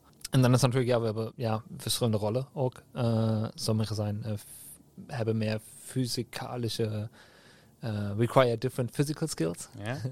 And yeah, this is a whole different set of training, a whole different set of like, um, yeah, physical capabilities that you need to have, um, especially when you do it over and over and over, which is where, where things can become pretty hard. So uh, yeah, we we have a we have we have auditions with people, uh, we have trainings with people, we have a testing period with people. So yeah, it's it's quite challenging to find uh, a good team, but fortunately, people stick with us for quite some time Hmm. because people really really enjoy the job. Uh, that's like something I'm I'm really uh, I'm I'm in the beginning. It's like oh my god, we ask so much of people, you know, like it's really demanding, like. And we're really like, and it's also not like it's not like we can pay people what they would earn like in a theater or something, you know. It's like still an escape room. It's a, it's a, yeah, it's not. It doesn't. There's not a crazy amount of revenue. If you have two actors for like uh, uh, two to seven uh, audience members, that's quite the quite a, a radical ratio. Um, but people really love it, and uh, that's that's what why it works. Um, we give people the freedom to also bring in their own creativity and their own ideas, and uh, they get time to afterwards also interact with the players outside of character, so they get very lot of positive feedback from them, and uh, so yeah, this is uh, why um, why it functions. Yeah. Ja, en, en het varieert ook, hè. Niet elk spel is hetzelfde. Dus je hebt Exactly. ehm, bij een theater moet je elke keer ja, eigenlijk hetzelfde doen. Dan heb je nog een beetje vrijheid. En als je film doet, dan moet je echt, het gaat om het hè, retake tot ze precies dat juiste cut en shot hebben bereikt. Ehm, maar hier kan het best wel vrij gaan, want je kan reageren op de spelers en ze hebben ook input. En dan kan je weer anders op gaan, waardoor ieder spel ook uniek is. En ehm, ja, je het dan ook langer volhoudt eigenlijk, omdat de herhaling minder snel eh, eh, toeslaat. There- There's something fun about watching a group of people play. And like, I mean, if you if you watch people in normal escape room, it's already interesting because you have sort of the same kind of scenario, and you see that people react very differently to it. So you can see a lot of the differences in the people. But it's even more fun if you watch them play and you know that in a moment, in a few moments from now, you're going to go in there and actually play with them. You know, like I think that's also like yeah, it's it's much more thrilling. Ja, en ik ben nu toevallig bezig met een, eh, eh, een eh, reisje Barcelona. en daar zie je heel erg vaak bij horror games, maar ook horror experience, dat je daar drie gra- gradaties hebt eh, die je aan kan geven bij de boekingsmodule. Dus je kunt zeggen Oh, ja. eh, heavy horror, eh, light puzzles, eh, andersom eh, heavy puzzles, Hmm. light horror en zo. Bij dezelfde ervaring dan dus. Dus Eh, ja, bij dezelfde ervaring, maar dat wordt bijna bij elk. eh, bij elke organisatie, om het dan maar even zo te noemen, wel aangeboden als, Hm. ehm, als optie. Athene ook. In Athene Ja. ook? Ja, Ja, ook midnight modus of eh, ja, light puzzles, eh, friendly ghost. Or, Yeah, sick. extreme after midnight. Yeah. Yeah. Hm. Ja, en eigenlijk is, eh, is de vraag: eh, is dat ooit een idee geweest? Of is dat iets wat toepasbaar zou kunnen zijn op een van. Ja, op jouw experience, Nee, op jouw ik, ik game? vertrouw mensen niet dat ze zelf kunnen inschatten wat ze willen.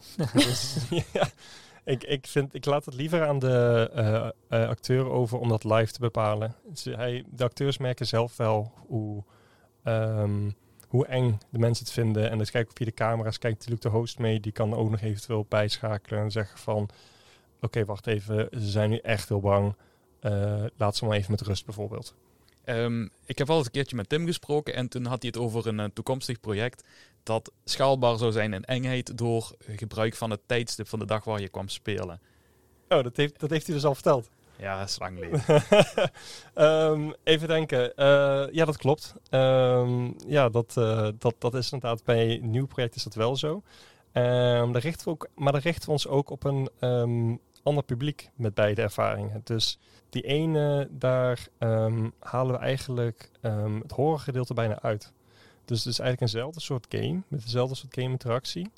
Maar dan niet echt eng. Het gaat eigenlijk niet om de angst. Het gaat dan meer om eh, ehm, dat je het ook, dat je eigenlijk ook met dat tieners het zelfs kunnen spelen. Dus we hebben het al getest met eh, kinderen van ehm eh 13 jaar. En dat is trouwens heel leuk, want ehm, we hebben daar dus een opdracht in zitten. En die, eh, de volwassenen die hebben dat gewoon nog niet voor elkaar gekregen. En ehm, hier zat een 13-jarig meisje bij, die had alles meteen door. Die had, oké, dit is zo, dit is zo, dan moeten we dit doen, dan zo. Een heel plan uitgeschreven en ging als een trein. Ehm, maar kwam natuurlijk misschien ook omdat, ehm, ja, het, het, is wel spannend. Het is echt een, eh, het is wel nog steeds een beetje thrillerachtig, zou ik zeggen. Er zit wel spanning, er zit ook een acteur in. Misschien een beetje richting Night at the Museum, met dan, eh, ja, met, met spanning erin. En dan, ehm, die andere is natuurlijk wel echt een real-life horror game. Dus ja, dan krijg je wel heel snel dat mensen hun, hun breincapaciteit naar uh, hagedisniveau gaat. Ehm, dus misschien dat daarom het niet lukte. Ehm, maar dat was wel heel leuk. En daarom, daarom zouden we het dan wel schalen. Maar dat is niet specifiek een, eh, dat we van tevoren tegen een beleving zeggen, hey, dit is dezelfde beleving. Maar in drie eenheidsgraden, dat zou ik dan niet doen. Ik zou het eh, altijd bij van de acteurs af laten hangen en het meeschalen. Want iemand kan wel zeggen, ja, oh, ik ben heel bang en, en, die durft eigenlijk veel meer dan die denkt. En andersom ook van, oh, ik durf heel veel, maar ik ben toch heel bang. Dus Hm. dat wil je eigenlijk live kunnen bijschakelen.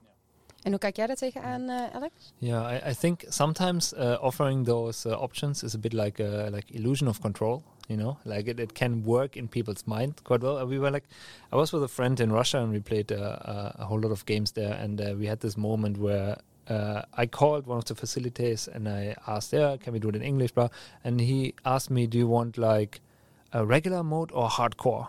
And I was like, "Hardcore," you know. And then I told my friend, like, uh, he asked me, "Want regular or hardcore?" And he was like, "What did you say?" I was like hardcore, and he's like the whole day he was like, "Oh my god, oh my god, you said hardcore. Why did you say this? We're in Russia, you know what that means, you know?" And it's like, "Oh god," you know? and like, and I later talked with him about it, and I think the difference was, was n- almost nothing. You know, like in the hardcore mode, people were allowed to touch you, but it's not that they were pushing you or like uh, hitting you or something. You know, they would just maybe grab you by the arm. Um, so, but but like the fact that he had this had to think about this and Yeah. he had to actively choose for hardcore made his imagination go wild. And uh, so before some time thought, should we do that as well? Have the same kind of game, just ask people just to fuck with them, you know, and think like, oh, like, just get them, get them like, oh, it's the hardcore mode, you know, like, uh, um, Ja, hoe grappig als je het vraagt en dan zegt van oké, jullie hebben de hardcore mode geselecteerd. En mensen, nee, nee, nee, we wilden easy mode. Maar dat zit toch hard, om het gewoon gek te maken. I think, I think, Oh, yeah, I think that will be really fun. Um, Ons but wel. uh, but indeed, I think like because yeah, how difficult is the game? That's like when you ask people, uh, do you want to play the escape room on on difficult level, difficult or medium? How do you know? I mean, like, how good are you in actually defining your difficulty level? You know, like, unless you have played like 200 games and you have things that you can actually compare it to, um, ja. yeah, you need to know. People can't really tell, I think, how they how scary your game actually is. So how can Ja. how can they tell if they want it less or more scary? Ja. ja, Um, zit Maar Marloes, jij gaat, jij gaat net gewoon door naar een volgende vraag. Terwijl de Jeroen aan het vertellen is dat er misschien een nieuwe kamer komt. Oh, echt waar? Ja, Jeroen, komt die kamer er ook, Jeroen? Ja, hoezo? Ja, die komt er ook? Er komt een nieuwe, er komt een nieuwe eh, game aan, maar ehm, meer, meer, ik kan echt nog niks over zeggen. Dat, dat, dat, eh, dat is iets vet. Ik kan wel zeggen dat het een real-life horror game is. Ik kan ook vertellen dat we ehm, heel veel real-life horror games gaan maken. Ik kan ook zeggen dat Alex en ik waarschijnlijk eh, ook een nieuw real-life horror project gaan doen. Eh, en ik kan vertellen, misschien, dat is ook wel heel erg leuk. ehm, de organisatie, die jou, de fictieve organisatie die jou bij I Can Hear You erop uitstuurt. Ik weet niet of jullie dat nog weten, maar dat is de Red Eye. Dat is het Rode Oog, privé-detective organisatie. Diezelfde eh, organisatie komt ook terug in onze andere real-life horror games. Ja, die, eh, dat is eigenlijk iets, eh, je vindt er een stukje informatie en steeds meer verhaal over. En gaandeweg eigenlijk ehm, zul je zien dat er een overkoepelend verhaal is die doorgaat, die opbouwt naar een ehm, spannende climax die daarmee te maken heeft. Die je eigenlijk alleen maar kan zien als je het allemaal gedaan hebt. En, ehm, maar los daarvan zijn alle games wel op zichzelf staand en op zichzelf te spelen. Ik denk dat je het een beetje kan vergelijken met ehm, eh, de Marvel Cinematic Universe. Ik denk dat dat een van de populairste voorbeelden is. Iron Man, Thor, het zijn allemaal films die je op zichzelf kan kijken. Maar tegelijkertijd bouwt het op naar een eh, groter geheel. En ehm, ja, dat zijn we nu ook aan het doen met eh, alle real-life horror games. En ik krijg ook zo'n Red Eye label. Oké, dan, dan hebben we meteen drie nieuwe vragen. Ehm, ten eerste, ja, wanneer is, is het voor volgend jaar dat er al iets, eh, iets nieuws tevoorschijn komt? Of, Ja, ik denk wel dat dat volgend jaar gaat worden. Ja. En is het iets vast of is het iets, ja, iets tijdelijk? Dit zal iets vast zijn. Oké. En Ja, ehm, ik ben ook nog, ik ben ook Ja, nog ik net zeggen, waar blijft die derde dan? Ik ben ja, ook- die komt nog wel. Ik zal die wel invullen. Ik, ik ben ook nog Alex aan het overtuigen om Amsterdam Catacombs in het universum eh, te krijgen. Maar we, we gaan zelf ook eh, met Logic Logs een nieuw speel bouwen. Ehm, omdat ja, we hebben, we hebben eigenlijk nog heel eh, coole ruimte nog. Dus eh, In de kerk? eh, niet in de kerk, maar in onze andere ruimte. Ehm, nu zit daar nog de Secret of Eliza's Heart in. maar die ruimte is veel groter. En ja, best lang hebben we er eigenlijk over nagedacht. een deel van die ruimte voor een ander speel te gebruiken. Maar nu hebben we toch uiteindelijk besloten om ja, de, de leeftijd van eh, de, Secret of Eliza's Heart Dat was Wonderland Eh, of zo, toch? ja, er was heel lang, oh man, van jaren geleden waren er beslo- beslissingen gemaakt om dan Alice in Wonderland speel te bouwen. En eh, ja, het concept ligt er echt eh, 90% klaar.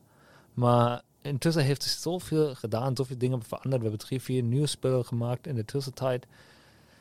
Ja, ja, dus ineens was een beetje de, ja, momentum was een beetje kwijt. En we wilden eigenlijk een nieuwe energie eh, creëren om, eh, ja, en dus dachten we, oké, we moeten een nieuw concept eh, er neerzetten om iedereen weer enthousiast te maken.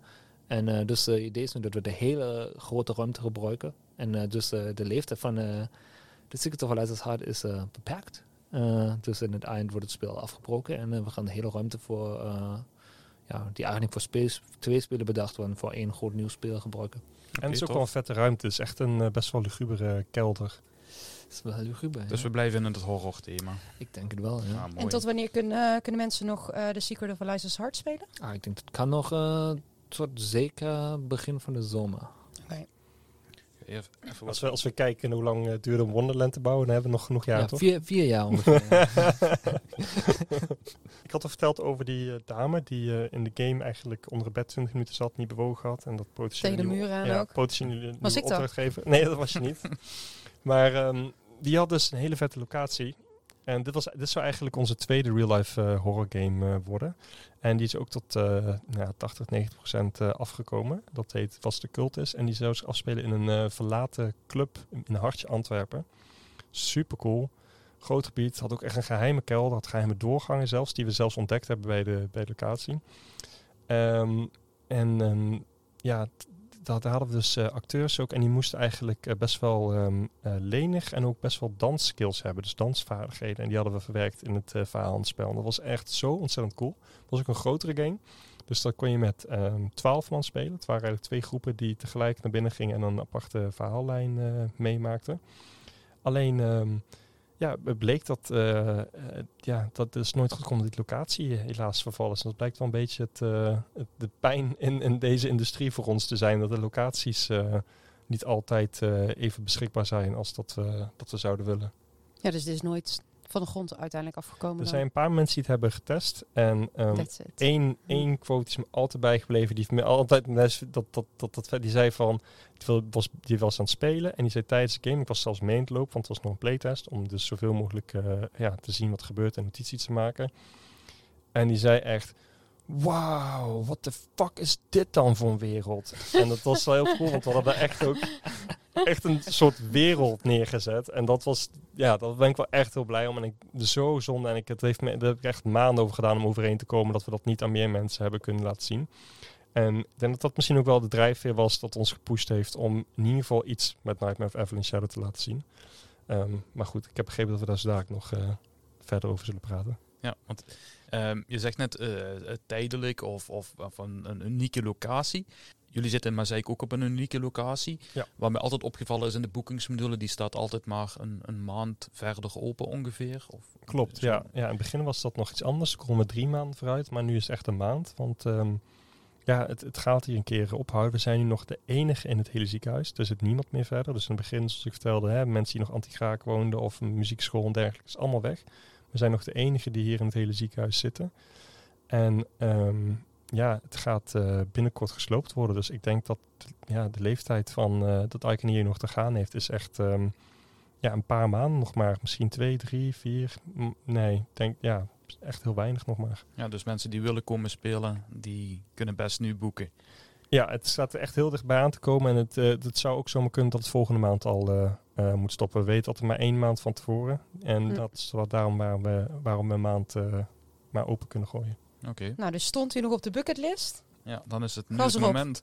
Dan is nu het moment, ja. Het is nu echt, eh, nu echt de la- last, last, last minutes. Oké, Hm. Ja, we hebben een luistervraag van eh Loran. En eh, die vraag is eh, in eerste instantie aan jou, eh, Jeroen. En hij vraagt of tot Don't Breathe een vorm van inspiratie is geweest voor I Can Hear You. Ja, dat heeft hij eh, goed, eh, goed gezien. Ehm, nou, dan neem ik aan dat hij de game heeft gespeeld en de film heeft gezien. Ehm, ik heb die film in vliegtuig ooit gekeken.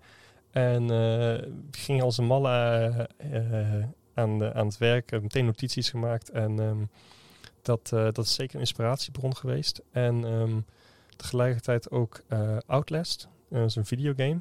Ik weet niet of die die toevallig ook kent, maar die is ook heel inspiratievol geweest. Daar breek je in een mental hospital. Ehm, en dat is een video horror game natuurlijk. En ehm, ook nog wel een film die eh, van invloed is geweest. Nou, wel laat, want eigenlijk was de game toen al af. eh, maar dan hangt hier de poster eh, van achter mij. Dat is A Quiet Place. En ehm, ja, die hebben we toen ook nog in de bios gezien. Toen was de game weer af, maar we wilden toch nog even kijken van... hey, wat, wat doen zij er eigenlijk mee? Ehm, dus die heeft eigenlijk mm, ja, bijna geen impact gehad. Maar dat overlapt wel. Dus het is wel allemaal een gelijke, gelijke ehm, hoek, om het zo maar even te zeggen. We hebben eh, nog een vraag gekregen van een luisteraar van eh Stef. Ehm, hij vraagt in hoeverre horrorgames eh een bron van inspiratie zijn. Nou, eh Jeroen, je hebt net al gezegd dat het een stuk zo is. Ja, Eh, absoluut. Voor mij als leek eh, voor horrorgames, want ik ben degene met het kussentje voor het gezicht bij de films en de games. maar in games kun je natuurlijk, net als in films, heel ver gaan. Veel verder dan jullie in, in, in kamers kunnen gaan. Ehm, Ja, nee. Ja, je kan, niet, je kan niet voelen, ruiken en erin staan. Dat je er echt, maar je kan wel ver gaan natuurlijk met het grafische Ja, geweld. Ja. Ja. ja, en ook echt geweld natuurlijk kan je in een game en een film doen. Ja, oké, maar je voelt het natuurlijk. Je, je, als je hier in, de, in, in, in, in I Can Hear You natuurlijk eh, eh, staat en, ehm, en zo'n eh, Sergej die, die is doorgedraaide chirurg, die zoekt je en, en die zit echt met de, gaat agressief tekeer of die vliegt eens een stok vol tegen de muur waar je, waar je had kunnen zitten. En natuurlijk, de acteurs worden er heel goed op getraind om dat niet eh, te doen waar je dan echt staat. Maar voel je dat raak je, dat, dat ruik je, dat, dat en Ehm, wat een game natuurlijk veel verder kan gaan, is dus met de gore, met het grafische geweld en echt dingen, hè, armen kunnen afvliegen en, en dingen. Alleen ehm, het blijft puur visueel natuurlijk. En ook geluid, als, sorry, audiovisueel moet ik zeggen. Ehm, maar je bent niet dat je, dat, dat je, de, dat je het ruikt. We hebben hier bijvoorbeeld zeven geurmachines en die trek je ook helemaal in de beleving, die, die je laten volgen. Dus ik denk dat daar dan het, eh, het, eh, het verschil een beetje in zit. Ik denk wat games wel kunnen, heel goed kunnen doen, is het gevoel van eh, eh, consequenties van failures. Ja, Like, if ja, ja, dus ja. al- in een game, als je het fout doet, dan ga je dood en dan begin je opnieuw. Ja. Maar je hebt altijd die gevaar om dood te gaan. In een real-life game moet je bedenken wat zijn gevaarlijke consequenties die de mensen maar nog steeds ja, toelaten om het spel verder te spelen. Of niet, Ja. maar als niet, dan eh, kan het ook alleen maar één keer gebeuren. dus eh, ja, dat is een, eh, iets wat bij real-life games ik denk een beetje mo- moeilijk is. Je moet veel, veel scenario's hebben eigenlijk. Ja. Ja, en als je naar jouw eh, inspiratiebronnen eh, kijkt, Alex, waar, waar haal jij het dan zoal uit? Ehm, ja, ik moet zeggen dat ik voordat we de Catacombs maakten eigenlijk niet zo heel erg geïnteresseerd was in horror. Ik heb wel heel veel horrorfilms gekeken als kind. Maar ineens vond ik die dan... eh, ja, ineens heb ik heel veel slechte horrorfilms gezien. En dan was ik dan een beetje eh, minder geïnteresseerd in. En eh, ik heb het dan, ja, ik heb het dan eigenlijk pas nadat de catacomben weer opgepakt en meer horror gelezen en meer films gekeken en horrorfilms, spelen gespeeld. Nu heb ik daar duidelijk meer passie voor. Maar voor de catacombe, ja, ik denk eigenlijk een van de inspiraties, of ja, wat ik, van alle dingen die ik gekeken heb, wat de meeste is blijven hangen, was eigenlijk The Exorcist. Uh, the movie is just awesome. Ja, dat was echt de enige van die films die ik eh, als preparatie heb gekeken die echt blijven is hangen. Of ja, was, maybe- dat, was dat The en Exorcism of Emily Rose? Of? No, no, no, just uh, the classic one. Oh, de classic one. Yeah, and, and And Rosemary Rosemary Rosemary's Babies? Baby as well. Yeah, yeah, yeah, that's not so, didn't really inspire the the uh, the game much, but uh, as an awesome movie too. Yeah. Yeah. Jullie hebben ook een online game, maar doen jullie dat soort zaken dan ook? Proberen jullie die, die beleving ook daarin te betrekken, die jij nu net Eh, noemt? Yeah, like so, so, so the, the online game that we have is not really horror. Like Okay. I mean, we have, we have an online version of the Catacombs, which uh, currently is not available anymore, but will be available again during Oh. lockdown. Oké, wat wat eh, is het? Is het eh, Oh, this is yeah. It's basically like uh, we translated the catacombs into an online experience where you help a character throughout the game. Um, it's a fairly close adaptation of the actual escape room, uh, but Oké, it has a er is different. geen avatar of zo die jij bestuurt? There's a dat? there's an avatar and uh, there's cutscenes and there's a different character and a slightly different story. So it's like a, an adaptation of the game. Okay. Maar zit je Eh, wel echt in de kamer? Yeah, yeah, an actor's in the camera, but you're not. okay. Yeah, Yeah. but um, and the other online game that we have is The Verdict, but it's not a horror game. It's like um, it's a jury experience. You're part of a jury, and um, you get uh, yeah, you have to value the case. You have to interrogate uh, uh, an actor. Uh, well, no, I'm talking. You have to interrogate. You have to interrogate the defendant. You know? uh, and uh, spoiler, it's an actor. Yeah. But uh, yeah. Um, Is it in english of? it's in English, yeah. It's uh, yeah. Actually, I think our main target, uh, our main audience for this game was English-speaking people so far. So I think uh, it, uh, yeah. I don't know. I would like to uh, recommend to the to the Dutch and Belgium scene because I think it's a pretty exceptional experience. Um, Het is, but het is ook echt heel uniek. Ik heb nog nooit zoiets eerder eh, yeah, it's, gespeeld. it's want- it's neither an escape room nor horror. Hm. It's uh, Yeah. it's yeah, it's more of like an interactive theatrical experience, which still where you are still like at the trigger of the um of the decision making. En hoe lang eh, eh, heb je hier speelplezier aan? Uh, two hours. En, en je komt vooral voor hele ehm, lastige dilemma's te staan die geen goed of fout hebben. En dat ga je dus met, en dan daar ga je dus discussies over hebben. En bijvoorbeeld, ik heb het dan met mijn eh, vriendin gespeeld en nog een paar vrienden en ook, and- en ook vreemde mensen. En iedereen had er een ander perspectief op. Hm. En dat creëert discussie. En ja, dat is, dat is natuurlijk geweldig als je het dan daarover ehm, ja, Ja, want met hoeveel ja, moet je het niet eens bent. Um, you can play with between six and twelve players. Oké. I think it gets uh, the the more the merrier. En eh, je moet allemaal een laptop hebben? Of, eh, yes, yes. Yeah, everybody needs to have a computer. Um, yeah, no, it doesn't work on your phone. Yeah, Ja, ik weet, je hebt ook zo'n eh, bordspel, de King's Dilemma. Ik weet niet of je die Oh, ooit ja. hebt gespeeld. I heard about it. Hm? Ja, Yeah, great. Yeah. Ja, ja nee, ik heb hem inderdaad gespeeld en dan ga je ook eh, over dilemma's waar inderdaad ook geen goed en fout is. Maar je moet uiteindelijk wel tot een, ja, een besluit komen. Mhm, hè? Je moet mhm. een consensus eh, vinden over ja, de verdict. We hebben het nu al over heel mooie projecten gehad van jullie. Maar jullie zijn ook een samenwerking aangegaan, samen met Maggie. The Nightmare of Evelyn Shadow. Een project dat eh, ja, eh, een tumultueuze start heeft gehad, zullen we maar zeggen. Oh, de start was wel heel goed, hè? Ja, het is aangekondigd, eh, het heeft moeten wachten. Vertel eens, over, over wat gaat het? Um, Ehm, so, ja, zal ik er iets over het concept gewoon eerst yeah, vertellen? maybe I should start something over how this whole thing started. Ja, daar ging jij daarover. So, in the beginning of the pandemic, there was no more travel, uh, there was no more tourists, there were a lot of empty hotels. And a very exceptional hotel in Amsterdam has uh, approached us and said, Hey, we have a free room. Do you want to maybe make an escape room in our room, like as a temporary Halloween uh, thing? And we were like, Oh, yeah, okay, maybe, why not? Let's have a look at it. And we went there, and um, and it turned out it wasn't just, it's like, which room is it? It's like, yeah, you can pick. They're all empty. And we're like, they're all empty. Yeah, there's four floors and a whole wing. It's all empty. Um, and then we're like, yeah, can we use all the rooms maybe? Because uh, this is a, and like, I mean, what an opportunity, you know? And the hotel was okay with it. And when they gave us the go, I was thinking, yeah, who are people I would really like to work with? And uh, Jeroen indeed was already a long time planned to uh, somehow collaborate. Uh, Maggie is a person uh, I collaborated with already in the past. She has done quite a few projects with Logic Locks as well. Um, so it was like my my dream team of uh, designers, uh, and uh, yeah, everybody was on board, and we thought we're gonna make a quick and dirty project, which that's definitely not what we succeeded in. Nee, we dachten inderdaad echt, we gaan het snel opzetten, niet te moeilijk, eh, maak gewoon gebruik van die ruimtes.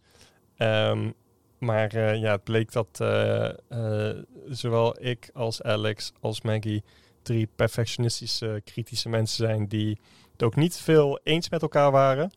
En, ehm, maar als er dan een idee eh, doorheen kwam, die we alle drie vet vonden, dan was het ook wel echt een fucking vet idee. Dus alleen daar, dat, dat, dat zorgde dat het project alleen maar eh, gigantischer en ambitieuzer en vetter werd. En, maar ook wel echt, echt heel erg cool. Ja, quick and dirty is gewoon niet jullie stijl. Nee, nee, is niet, ja. Nee. En, ehm, maar ja, eh, ja ehm, helaas was, de, eh, was het echt niet een goede tijdsperiode om eh, dingen te plannen. Eh, en dus we were planning to open it like Halloween. We immediately told them it's out of the question. It was like in a month from when they approached us. So like this is way too little time. Ja, twee maanden of zo. Yeah, but we can do something in maybe three months um, if we full on Steam. And uh, so that was our plan. Um, Het lukt ook but then, uh, yeah, I mean, like, like the the problem was that the the pandemic got more and more serious, was and uh, ja. the hotel is connected to an American chain, and the American chain had also the very strict security rules.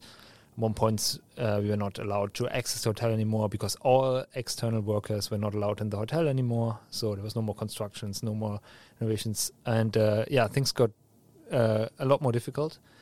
And also, the Dutch government decided to become more and more uh, strict on the regulations. Yeah, to kwam de lockdown. Yeah, Want that nu was the praten we 2020 nog. Ja. Yes, yes, yes. Ja. And there was the first lockdown, uh, which kind of prevented our first launch. But then it was still. Want ja, we hadden toen, waren toen nog wel op schema om op zich januari 2021 te lanceren. Maar ja, toen kon, ja, het kon er niet meer ja, verder werken. ja, het probleem was uh, dat dan ook uh, we were not allowed to continue working. Ja. Uh, then when we could continue working, we were picking the things up again, uh, getting uh, uh, ready to start again, aiming at the new launch date. Maar dat was wel heel veel laat, want die lockdown duurde echt but, lang. but one thing that happened in between, which was exact, which was what happened, uh, was the Delta variant came up, and the lockdown lasted way longer than anyone had expected because everybody thought initially like okay after the december new year's this is kind of over but it just got worse and uh, things yeah things got postponed and postponed and postponed Ja, dat plus, plus de, eh, de, het contract wat we hadden voor die periode, dat, dat die periode was voorbij. Het was een nieuwe periode, er stonden andere gegadigden, want ze hebben meerdere events. Ze wilden, het Hotel was heel erg bezig met een rebranding ook. Ze, doen heel, ze wilden echt heel de hippe reizigers aanspreken. Daar hebben ook echt heel goed op ingespeeld. Ze hadden ook een heel groot drag queen event gehad. Ze echt heel veel vette nieuwe dingen. En dit was echt een big thing voor hen, want dit was echt het eerste keer dat ze een, een een, een horror game en van deze schaal in het Marriott Renaissance hadden überhaupt van de hele Marriott geschiedenis. Het was echt huge. Ze wilden het ook echt groot naar buiten brengen en dus zaten er, maar ja, dat opeens, uh, en er waren meerdere events en dat alles liep gewoon in de soep eigenlijk. Maar je, je zegt nu meerdere events, maar jullie, jullie praten net over een, een, een vleugel die leeg staat, vol kamers. Ja. Maar ja, ik zie me nog geen drag queen event in, in een hoop kamers organiseren. Nee, nee, nee maar ik bedoel dat uh, alles wat gewoon het, uh, alle events die gepland waren, waren afgezegd. Omdat het Hotel heeft het heeft uh, naast het hotel ook nog de Koeperkerk, uh, the big church with a dome. Ja. Yeah, basically the whole schedule that the hotel had was um, out of the down, out of the window and um, ja. Yeah, everybody had crisis meetings, crisis sessions, and uh, so everything became really slow and uh, basically planning on a week to week basis, which is pretty difficult if you plan an experience with like was it like twenty to twenty five actors.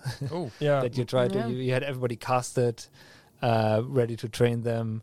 Then already the availability availabilities of the people to work with, we kept in check with them. But then, of course, some people dropping out. People had other plans. People started to travel. People changed their life. You know, like uh, so all these things uh, became yeah difficult. Um, and actually, the the time that we would need to start up and launch the project became longer and longer because uh, yeah, the we lost people people from our team and we couldn't promise people an exact start date.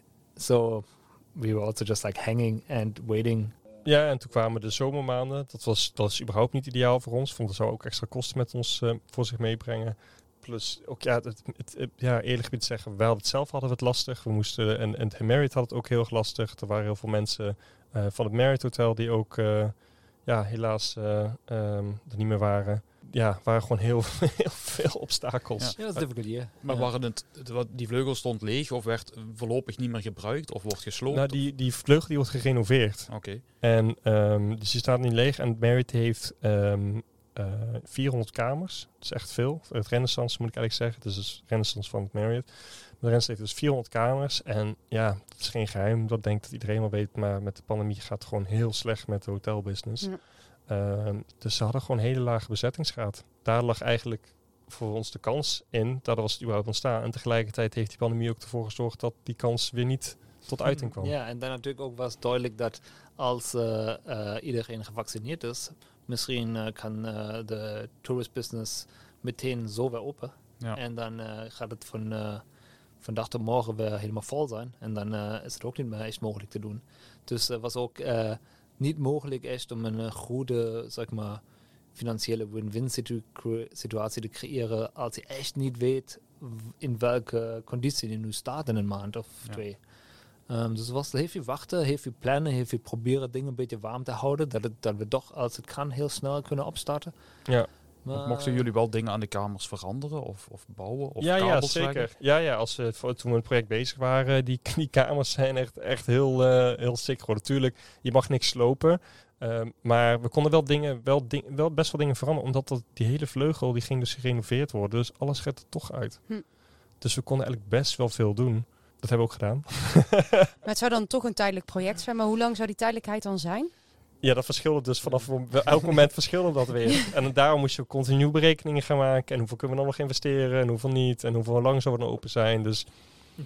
eh, Maxi ja, was maximaal gegeven drie maanden was eigenlijk een beetje het idee. Ja. ja. Het zou wel echt heel, heel exclusief zijn. Eh, daarom ook, eh, het zou ook een pipeline model hebben. Dus dat, er dus, eh, dus dat betekent dat eigenlijk eh, de volgende groep al kan starten terwijl de ene groep Oh, nog bezig ja. is. En, en dan zo door. Eh, maar dat betekent ook dat we, ja, wat ook een, dat, is wel, dat geeft ook heel veel voordelen. Want het voordeel daaruit was dat we dus ehm, veel acteurs hadden. Dus dat is dan wel ook nog veel overhead. Maar tegelijkertijd ehm, kom je dus ook in de game in aanraking met best wel veel verschillende personages.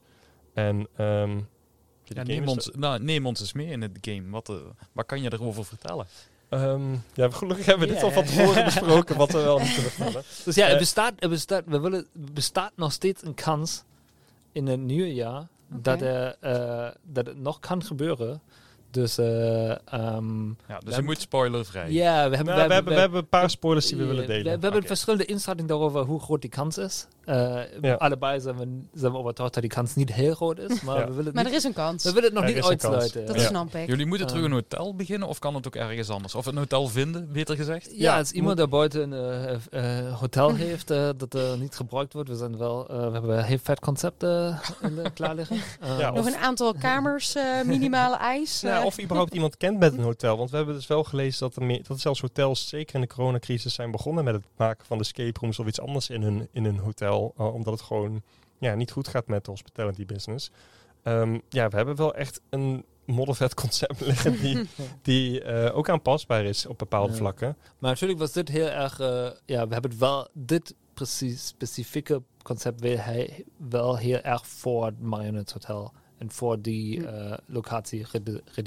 Ja. Ook sommige van die aesthetics en van die design decisions hebben we, waren beïnvloed door de values van het hotel. Omdat we dat wel in een, eh, ja, was wel een partnership met het hotel. En dus we wilden ook niet iets doen wat helemaal buiten de branding van het hotel zit. Het was wel echt, eh, Ja, dat heeft Ja. ook wel sterk gemaakt. Dat is gewoon wat je, je wilt locatie altijd verwe- verweven in, in, je, in je game natuurlijk. Ehm, maar goed, over het spel dus. ja. Eh, het heet dus The Nightmare of Evelyn Shadow. En ehm, zoals de meeste mensen dan wel door zullen hebben gehad, is dat eh, Evelyn Shadow, dat is een horrorschrijfster. Zij schrijft horrorboeken. En eh, The Nightmare is haar laatste boek dat ze aan het schrijven is. En ehm The Nightmare speelt zich ook af, dat horrorboek speelt zich ook af in een hotel. En zij is eigenlijk naar de Renaissance Hotel gekomen en ingetrokken om de inspiratie op te doen en zich terug te trekken om dat boek af te maken. En ehm, ja, ik denk, we hebben ook wel inspiratie getrokken van eh, The Shining bijvoorbeeld. Natuurlijk ook een eh, hele vette horrorfilm die zich eh, in, in... Maar gaandeweg zijn we een hele andere kant opgevlogen. En dat denk ik wat dat ook kwam door ja, dat we drie hele andere kijken hebben op eh, ehm, ja, wat, wat de vette beleving is. En ehm, nou, zal eerst even vertellen. Misschien, misschien met de premise, ja. ja, dus, eerst- dus, dus, dus Evelyn Shadow, uh, she's in the hotel, she's on a writer's retreat, and uh, uh, you're going to visit her. Uh, you have a meet and greet with her, um, and uh, towards the meet and greet, you're already being like sort of, you're receiving sort of like messages that are strangely um, from a third person perspective. ja, even invitation. yeah, like- narrating your actions. Ja, zelfs de uitnodiging die zegt al van... eh, goed, eh, Yves en uh, Marloes, jullie zijn uitgenodigd door Evelyn Shadow om haar te ontmoeten bij het Renaissance Hotel. Maar ehm, die uitnodiging die is op een beetje een vreemde manier geschreven. Die is eigenlijk in derde persoons geschreven.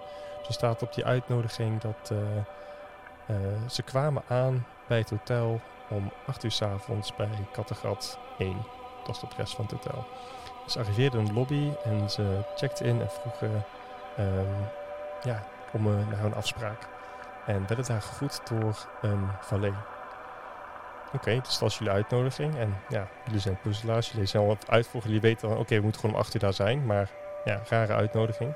En eh, ja, de valet eh, pikt je ergens op, geeft je een tour door het hotel met allerlei verhalen over wat er gebeurd is in het hotel. Heel rare dingen in het verleden. Eh, rare ongelukken die er gebeurd zijn. En, eh, maar gelukkig is de valet ook heel erg eh, fan van, van Evelyn Shadow. Dus gaat jullie ook een beetje vertellen over de geschiedenis van haar verhalen, wat ze alles heeft geschreven. De valet is een real gossip person.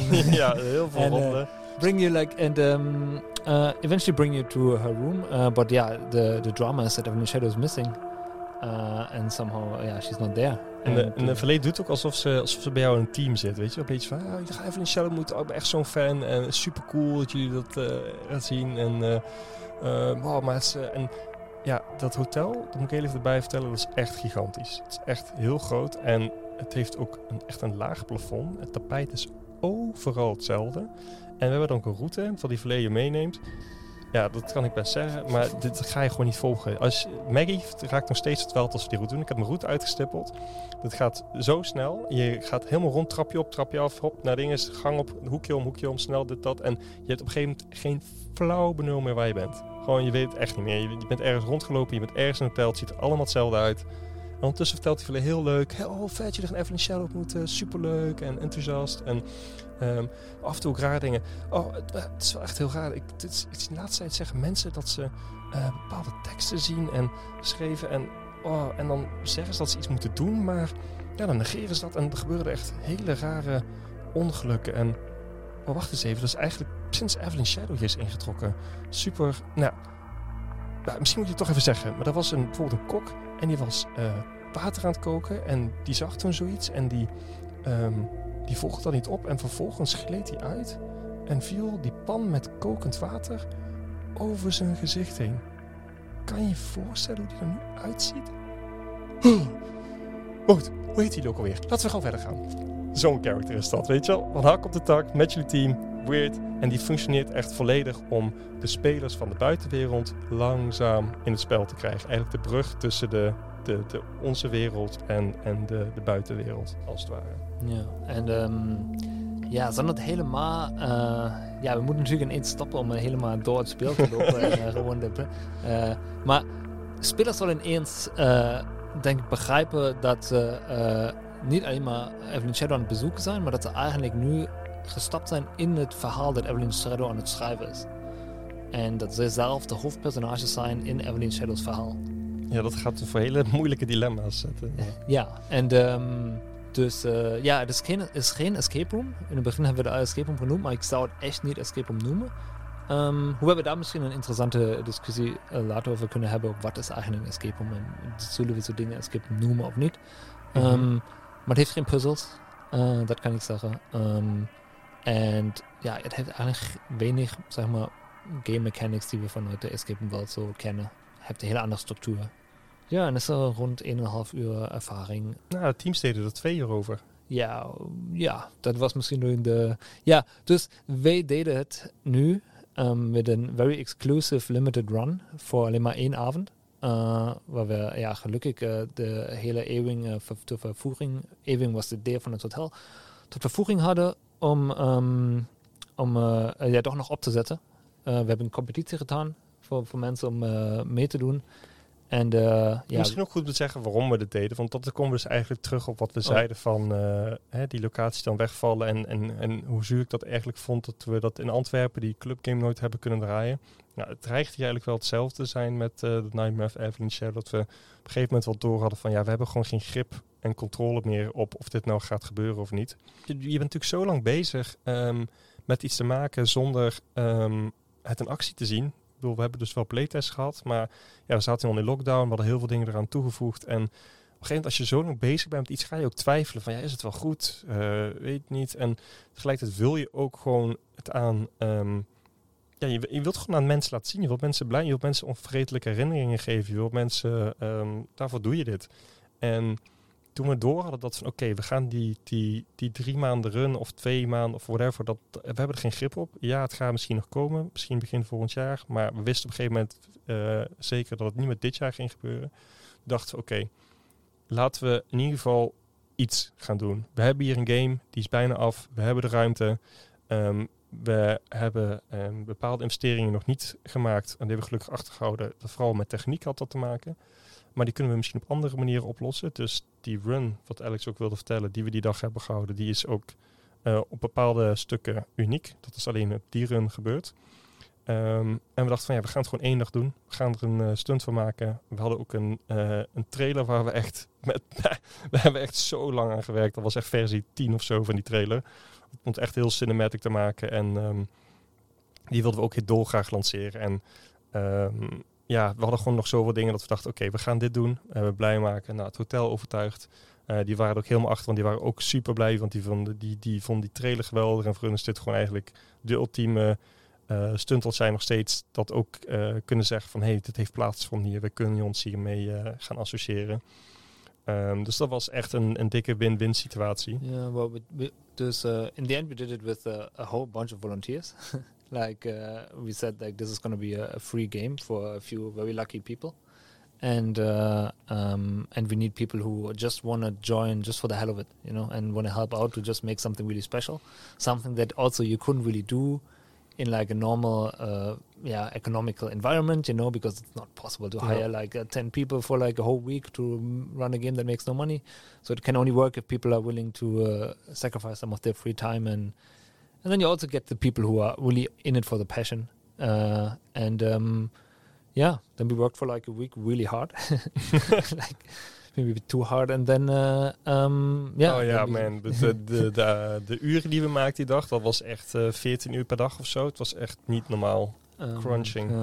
En, then, wat, en, wat, waren de eerste reacties? Uh? ja, daar bouwen we natuurlijk niet helemaal op, hè? ja, daar vraag, dat vraag well, ik me the af. thing is always like with like these kind of games is like also with, with, uh, with sometimes you see people they go to something like this and uh, they seem a bit almost like shell shocked afterwards, you know, when you're like quite can't. Yeah. It's like it's a bit of an unfair thing to uh, have an experience like this for someone and immediately afterwards ask somebody, "How was it?" And people are like, uh, uh, "How do you put this just now into words?" You yeah. know, like uh, ja, het was, het was, het was, ja, het was echt fantastisch. Um, Oké, okay, zoals ik zei, we hebben de hele tijd heb je die twijfeling uh, van is het wel goed wat je maakt? Hoe, wat is het dan? Hoe gaat het dan? En um, Gaat natuurlijk het werken überhaupt? überhaupt inderdaad. Dat ook nog eens. Plus je hebt dan um, die trailer heeft er ook best wel verwachting hoog gezet en had een bepaald naam. Dus eigenlijk hadden wij zelf, om heel eerlijk te zijn, dachten van, oh mijn god, nou, weet je, we, we zijn gewoon blij dat we iets kunnen doen en dingen, heel veel dingen in onze ogen klopten nog niet. En toen kwam die eerste playtestgroep en er ging inderdaad nog best wel veel mis. Maar die waren al zo weggeblazen, terwijl, terwijl er echt zoveel nog fout ging. Toen hadden we echt van, oké, wacht. Toen, was, toen viel er echt zo, echt gewoon alsof er een blok, een ton blok op onze schouder zat. Bam, zo eraf. En van, oké, fuck it, we got this. Het komt helemaal goed, bla bla. En toen ging die, die game, de dag dat we de, de echte games gingen doen, toen was iedereen, ook acteurs waren helemaal getraind. Die waren helemaal erin, alles erop. Nou, eh, en dit, dit is echt zonder uh, overdrijven. Maar ik heb dus echt een paar tranen van geluk gelaten. Um, toen het even inzonk en de reacties bij mensen zijn gekomen om te zien hoe omver we ze hadden geblazen en hoe sick het was geworden. En ook gewoon ongelooflijk trots op wat we met z'n drie hebben neergezet. En ja, het, het was echt. Ik, en tegelijkertijd nog meer pijn, want daardoor realiseer ik van fuck, ik wil dit aan nog meer mensen laten zien. Dit is echt zo kut dat, en, en dat we het niet hebben. Maar het was, het was echt wauw. We hebben het ook uh, gefilmd. Uh, we gaan hier zeker ook nog van een, een, een, een edit uh, van online gooien. Uh, we moesten wel echt een week bijkomen hierna, want het was echt heel intens. Maar wauw, het was echt, ja, we hebben er nou, we hebben er uren nagepraat. Ik en Alex en Maggie en gewoon, en ook met de acteurs en met de mensen. En de dag daarna nog meer nalopen praten. En van, we hebben zoveel vette filmische momenten met hun gegeven, ook unieke momenten die spelen, wat, ook wat spelers deden, wat we gewoon nooit verwacht hadden. Wat ze, wat we dachten van, wat de fuck, wat hij deed, dat was echt gewoon iets wat we niet hadden verwacht, maar tegelijkertijd zo vet. Dat, had gewoon echt, dat, dat was echt gewoon een filmscène. En dat, ja, het was echt heel cool. Eén speler die zei ook, en dat is me ook heel goed bijgebleven, die zei van... Het was echt alsof ik in een filmische trip zat. En ja, dat is wel... Uh, dat was wel een compliment die ik, uh, die ik erbij ga schrijven ooit. Ja, want jullie hebben een winactie gedaan voor dit, uh, voor dit evenement. Ja. Volledig gratis ook. Ja. Als wedstrijd was het dat je een een eng of een grappig moment moest invullen uh, waar je ooit had meegemaakt. A nightmare. You needed to send a picture of, uh, of a nightmare. Ja. Uh, or that depicts like at least what a nightmare of yours uh, looks like. Ja. ja. Hoe grappig was het om al die reacties te lezen? Ja, heel tof. We hebben er 43 uh, inzendingen gehad. Dat vonden we toch best wel uh, behoorlijk voor een doordeweekse dag. You have to, uh, to keep in mind it was for one particular evening and you needed exactly four people. So uh, yeah. that was already like an exclusion criteria en, there. En, ja, en de foto. ja, so, um, ja, en dan, en, dan, en dan had je bepaalde foto's. Nou, dat waren prima, waren leuk en zo. Maar die, die, die drie topinzendingen moeten we eigenlijk ook nog een keer online delen. Want die drie winnaars, die hadden echt, echt hele vet, echt helemaal gefotoshopt. En met z'n alle vier zaten ze erin. En met een, ja, echt zo'n horror. Iemand had... Uh, uh, de, een van de beste, die had echt uh, dat diegene uit het beeldscherm kwam gekropen met in het beeldscherm op de achtergrond een Evelyn Shadow achtergrond en die andere vier op, in, op het andere beeldscherm in een Zoom-call die helemaal horrified keken en zo. Dus dat, dat waren wel echt hele coole uh, foto's ook.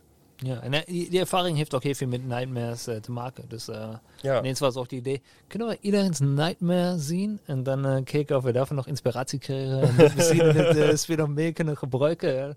ja. Ja, leuke actie in ieder geval. Of leuke manier om... eh, Ja, en dan wist je ook gelijk van als mensen die zo'n zo'n zo'n toffe foto hebben gemaakt, dan weet je ook gelijk van ja, deze mensen die, hebben, die, die, die zijn echt heel erg gemotiveerd. En toen we eh, ze opbelden, dan hoorde je dat meteen. Die waren echt mega enthousiast. We hebben nog een paar mensen meer opgebeld om te checken en iedereen zat er helemaal in. Maar we hebben dus ook echt een groep gehad die ging gewoon letterlijk gillen. Die ging gewoon echt gillen toen ze hoorden dat ze gewonnen hebben. En dacht van wauw. En die hadden ook echt alle posts gevolgd. Die, die, was ook zo bizar, want die kwamen dus met het spel aan en die hadden die leken alles al door te hebben. Dat was echt, en die vonden het alleen maar geweldig. Van, oh ja, wacht, dit is misschien wat dit is. En die hadden dit uit de trailer herkend. En die hadden dat stukje al, al op de website eh, eh, uitgevogeld. Dus dat waren echt super fans. ja, inderdaad. Echte, echte fans. Ja, en hebben we nog een groep gehad die, eh, die was vijf uur komen rijden vanuit Duitsland. Die waren echt heel ver, eh, van heel ver gekomen. Dus dat was ook heel tof. Die hadden ook wel echt heel veel moeite gedaan.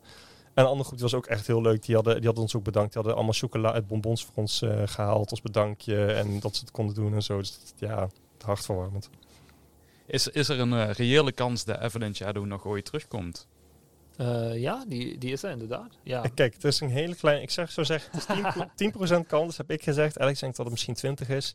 Dat het eh, bij het Renaissance Hotel gaat gebeuren. En dan eh, begint volgend jaar. Als het dan niet gebeurt, dan gaat het denk ik ook niet meer bij het Renaissance gebeuren. En dan moeten we een nieuwe locatie zoeken. En daarom nogmaals, ja, als mensen kennen, mensen met hotels en hotelbusiness. Het moet wel een klassiek hotel zijn. Dus het moet echt zo'n hotelsfeer. Het kan niet een, een of andere hippe backpackers of groene eh, eco-accommodatie zijn. Dat werkt niet bij, bij deze stijl. Ehm, maar ja, we gaan dus op zoek naar een maar dat maakt ook niet uit. Als je überhaupt een coole locatie hebt en je weet niet wat je daar eh, wil doen, laat ons maar weten. We hebben wel een paar Ja, ideeën. dat is vet. Wij zoeken altijd nieuwe locaties inderdaad. Ja. Absoluut.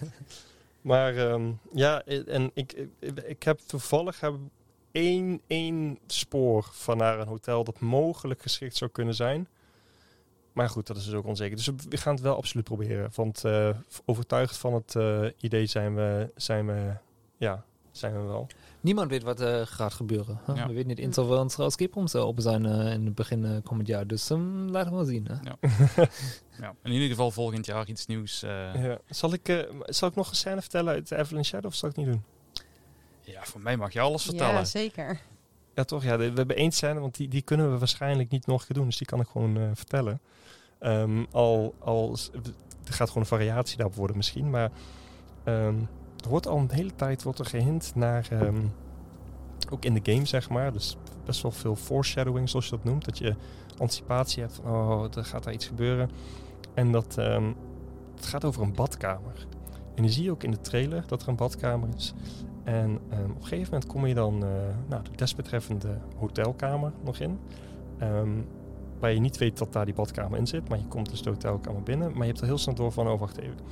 Je komt die kamer namelijk in en je ziet echt overal dampen van de stoom. Van alsof er iemand of heel heet aan het douchen is of in bad zit of zo. En dat vliegt al door de hele kamer rond. Nou, daar we ook echt al wel lang onze best op gedaan om dat goed voor elkaar te krijgen. En je komt die kamer in en die kamer is sowieso al best wel off. Die klopt niet helemaal, want je bent al heel veel kamers in geweest en je hebt ook heel veel um, en rare dingen gezien in die kamers. Um, vooral dingen die, die off zijn. Zitten, even voor duidelijkheid, Nightmare of Evelyn Shadow gaat niet om bloed of gore of dat soort dingen. Het zijn gewoon echt psychologische effecten waar je denkt van er klopt gewoon iets niet in deze kamer. Het is gewoon echt dat je gewoon ja, raar laat voelen, rillingen geeft en onder je huid begint te kruipen. En um, dat is ook iets wat ik heel vet vond bij Amsterdam. Evelyn Shadow bouwt ook echt op. Nou, je zit in die kamer, overal stoom, overal ook. Maar die kamer heeft nog lager plafond dan alle andere kamers. En je, komt via een gangetje binnen. Dat is, dat is al raar, dat heeft de andere kamers niet. En dan naar rechts kijk je en dan is het bed heel ver weg. Het is alsof de muren van die kamer weggelopen zijn van je. Gewoon, zoals, als, dat is in, in, in horrorfilms dat de muren opeens verplaatst zijn of zo. Nou, en de badkamerdeur is dicht. En je kan ook niet de badkamer inkijken, maar er zit wel zo'n raam voor waar, je niet doorheen kan kijken. En je ziet al dat er groen licht, groen sfeerlicht uit die badkamer komt. En oké, okay, badkamerdeur is gesloten. En er zijn, het spel begeleidt je, ik zal niet zeggen hoe, maar ja, je, merkt duidelijk dat het verhaal neemt je eerst mee om de kamer te onderzoeken. zal ik ook niet veel op ingaan. Maar op een gegeven moment wordt wel heel duidelijk, oké, er is nog maar één plek waar je moet kijken en dat is die badkamer. Oké, dus we moeten maar toch maar naar die badkamer gaan. En ehm, nou, je doet die deur dan open en je ziet dat die badkamer ook helemaal niet klopt. Dat is gewoon een, een overal badtegels, hè, die witte badtegels, zoals je overal badkamer ziet, van, van de vloer tot de muren tot het plafond. En het loopt helemaal lang uitgerekt. En aan het einde van die badkamer staat een badkuip. En in die badkamer verder staat helemaal niks behalve een wc midden. Maar eromheen is fucking veel ruimte. En het is weer alsof die muur gewoon helemaal weggelopen is van je. Dus en na die badkuip toe eh, zie je overal eh, waterplas liggen. Dus de vloer is ook echt overal nat en waterplasjes liggen er. En er ligt een heel spoor van natte kleren voor je uit die naar die badkuip toe gaat. Met zo'n nog zo'n kleer dat over die badkuip heen hangt. En het, en het gordijn van de badkuip is dicht. Dus je weet, oké, er- er is iets naar die badkuip toe gegaan. Maar ja, ja dat, oké. Je zit al of, oké, shit. En het is heel duidelijk op een gegeven moment, oké, je moet achter dat gordijn gaan kijken. Dat, dat is geen andere optie. Wie had dat gedacht? We moeten daar gaan Ik zou kijken. dat niet doen. het is maar goed dat die kamer heel lang is. Ja, dus je gaat, gaat er naartoe en eh, je, je, je opent dat gordijn eh, en je kijkt erachter. En ehm, er zit in principe niks, maar er zit, in de badkuip zit wel helemaal vol met donker, rood, vies, bruinig water en je kan de bodem niet zien. En opeens komt daar een monster uit. En we hadden daar dus een, een acteur onder water zitten met een snorkel. Waardoor het wateroppervlakte egaal was. Echt bizar. En de acteur is ook nog eens gigantisch. Dus hij zat echt in feutushouding onder dat water. Dus je gewoon echt super moeilijk. En hij komt dan uit die badkamer. En je moet je voorstellen, ik had al verteld, hè, die badkamer is heel laag plafond.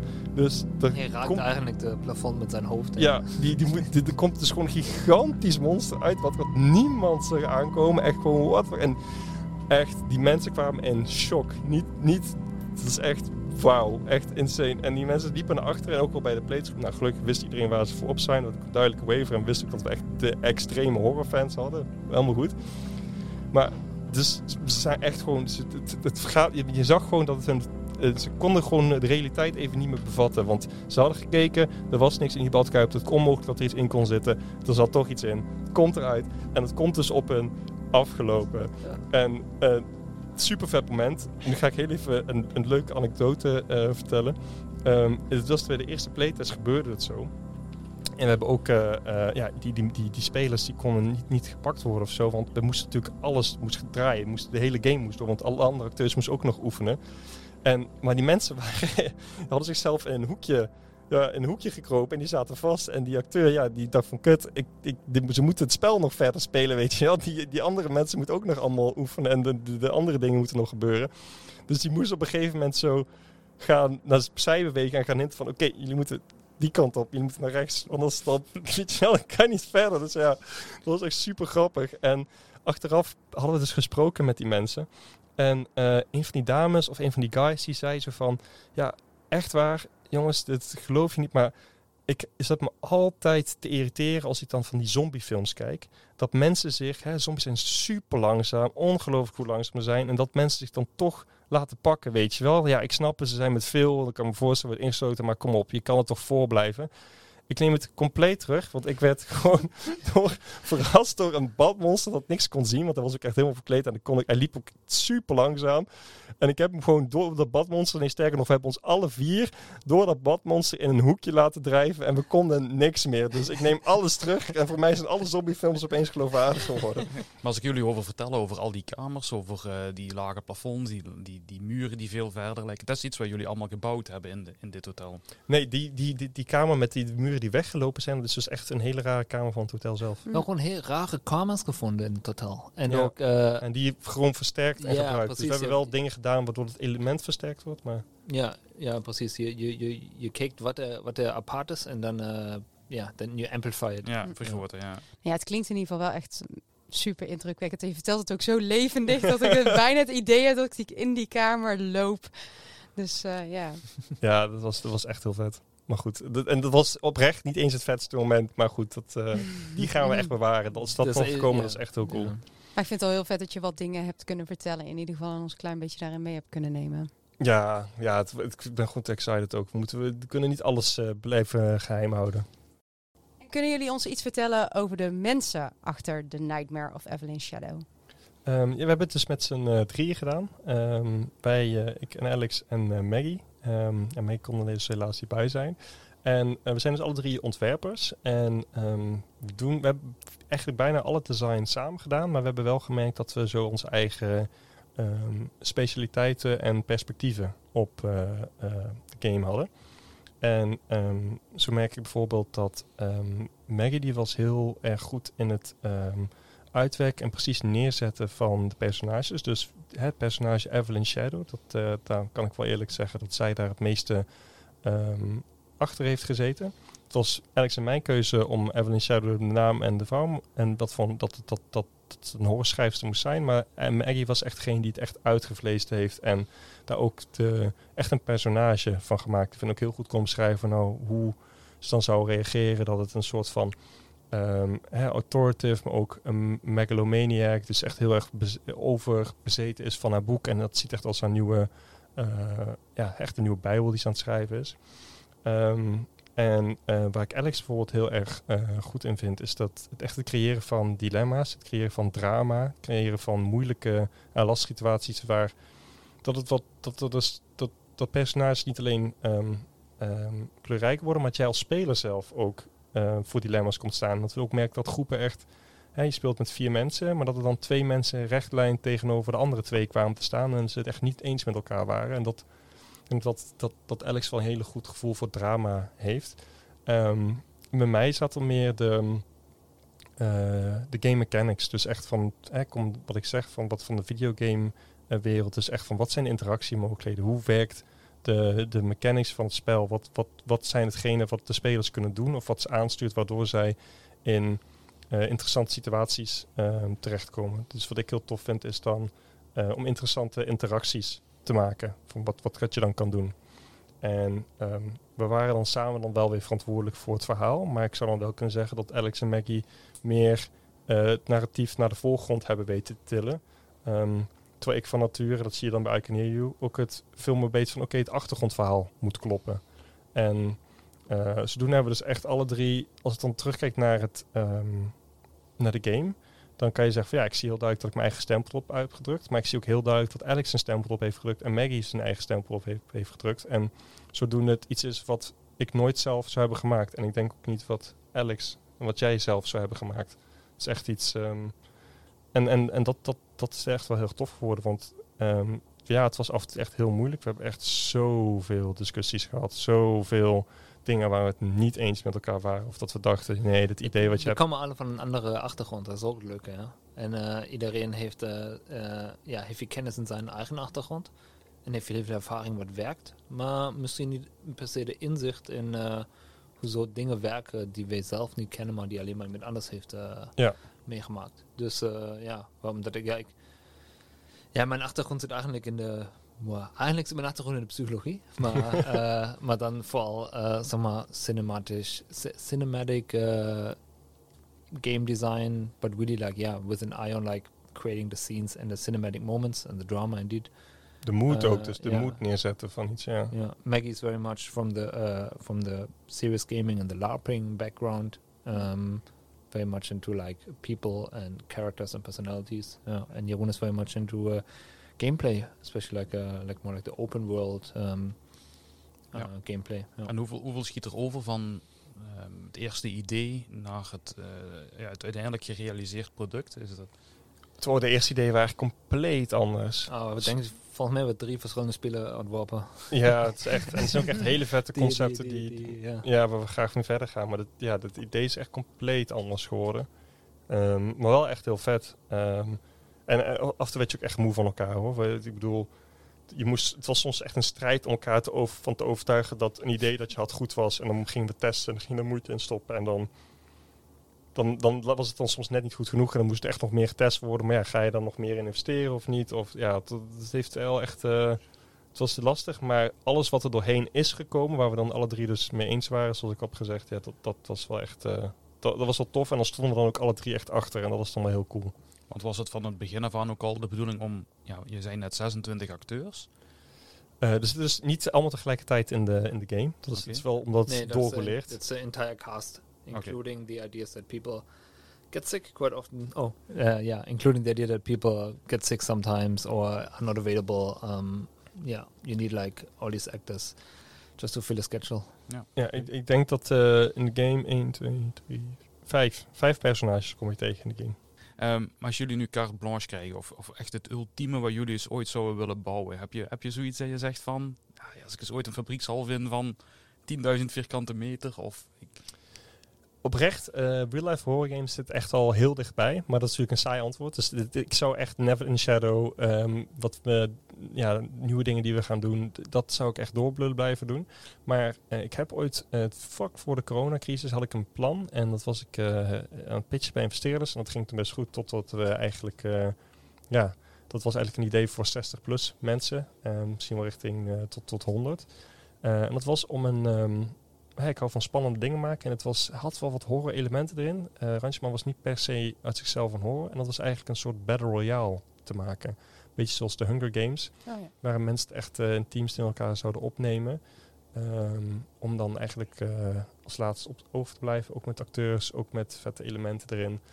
En ehm, ja, daar ben ik nog steeds heel erg enthousiast over. Maar ik zie het op het moment gewoon met die pandemie en zo zie ik het even niet van de grond komen.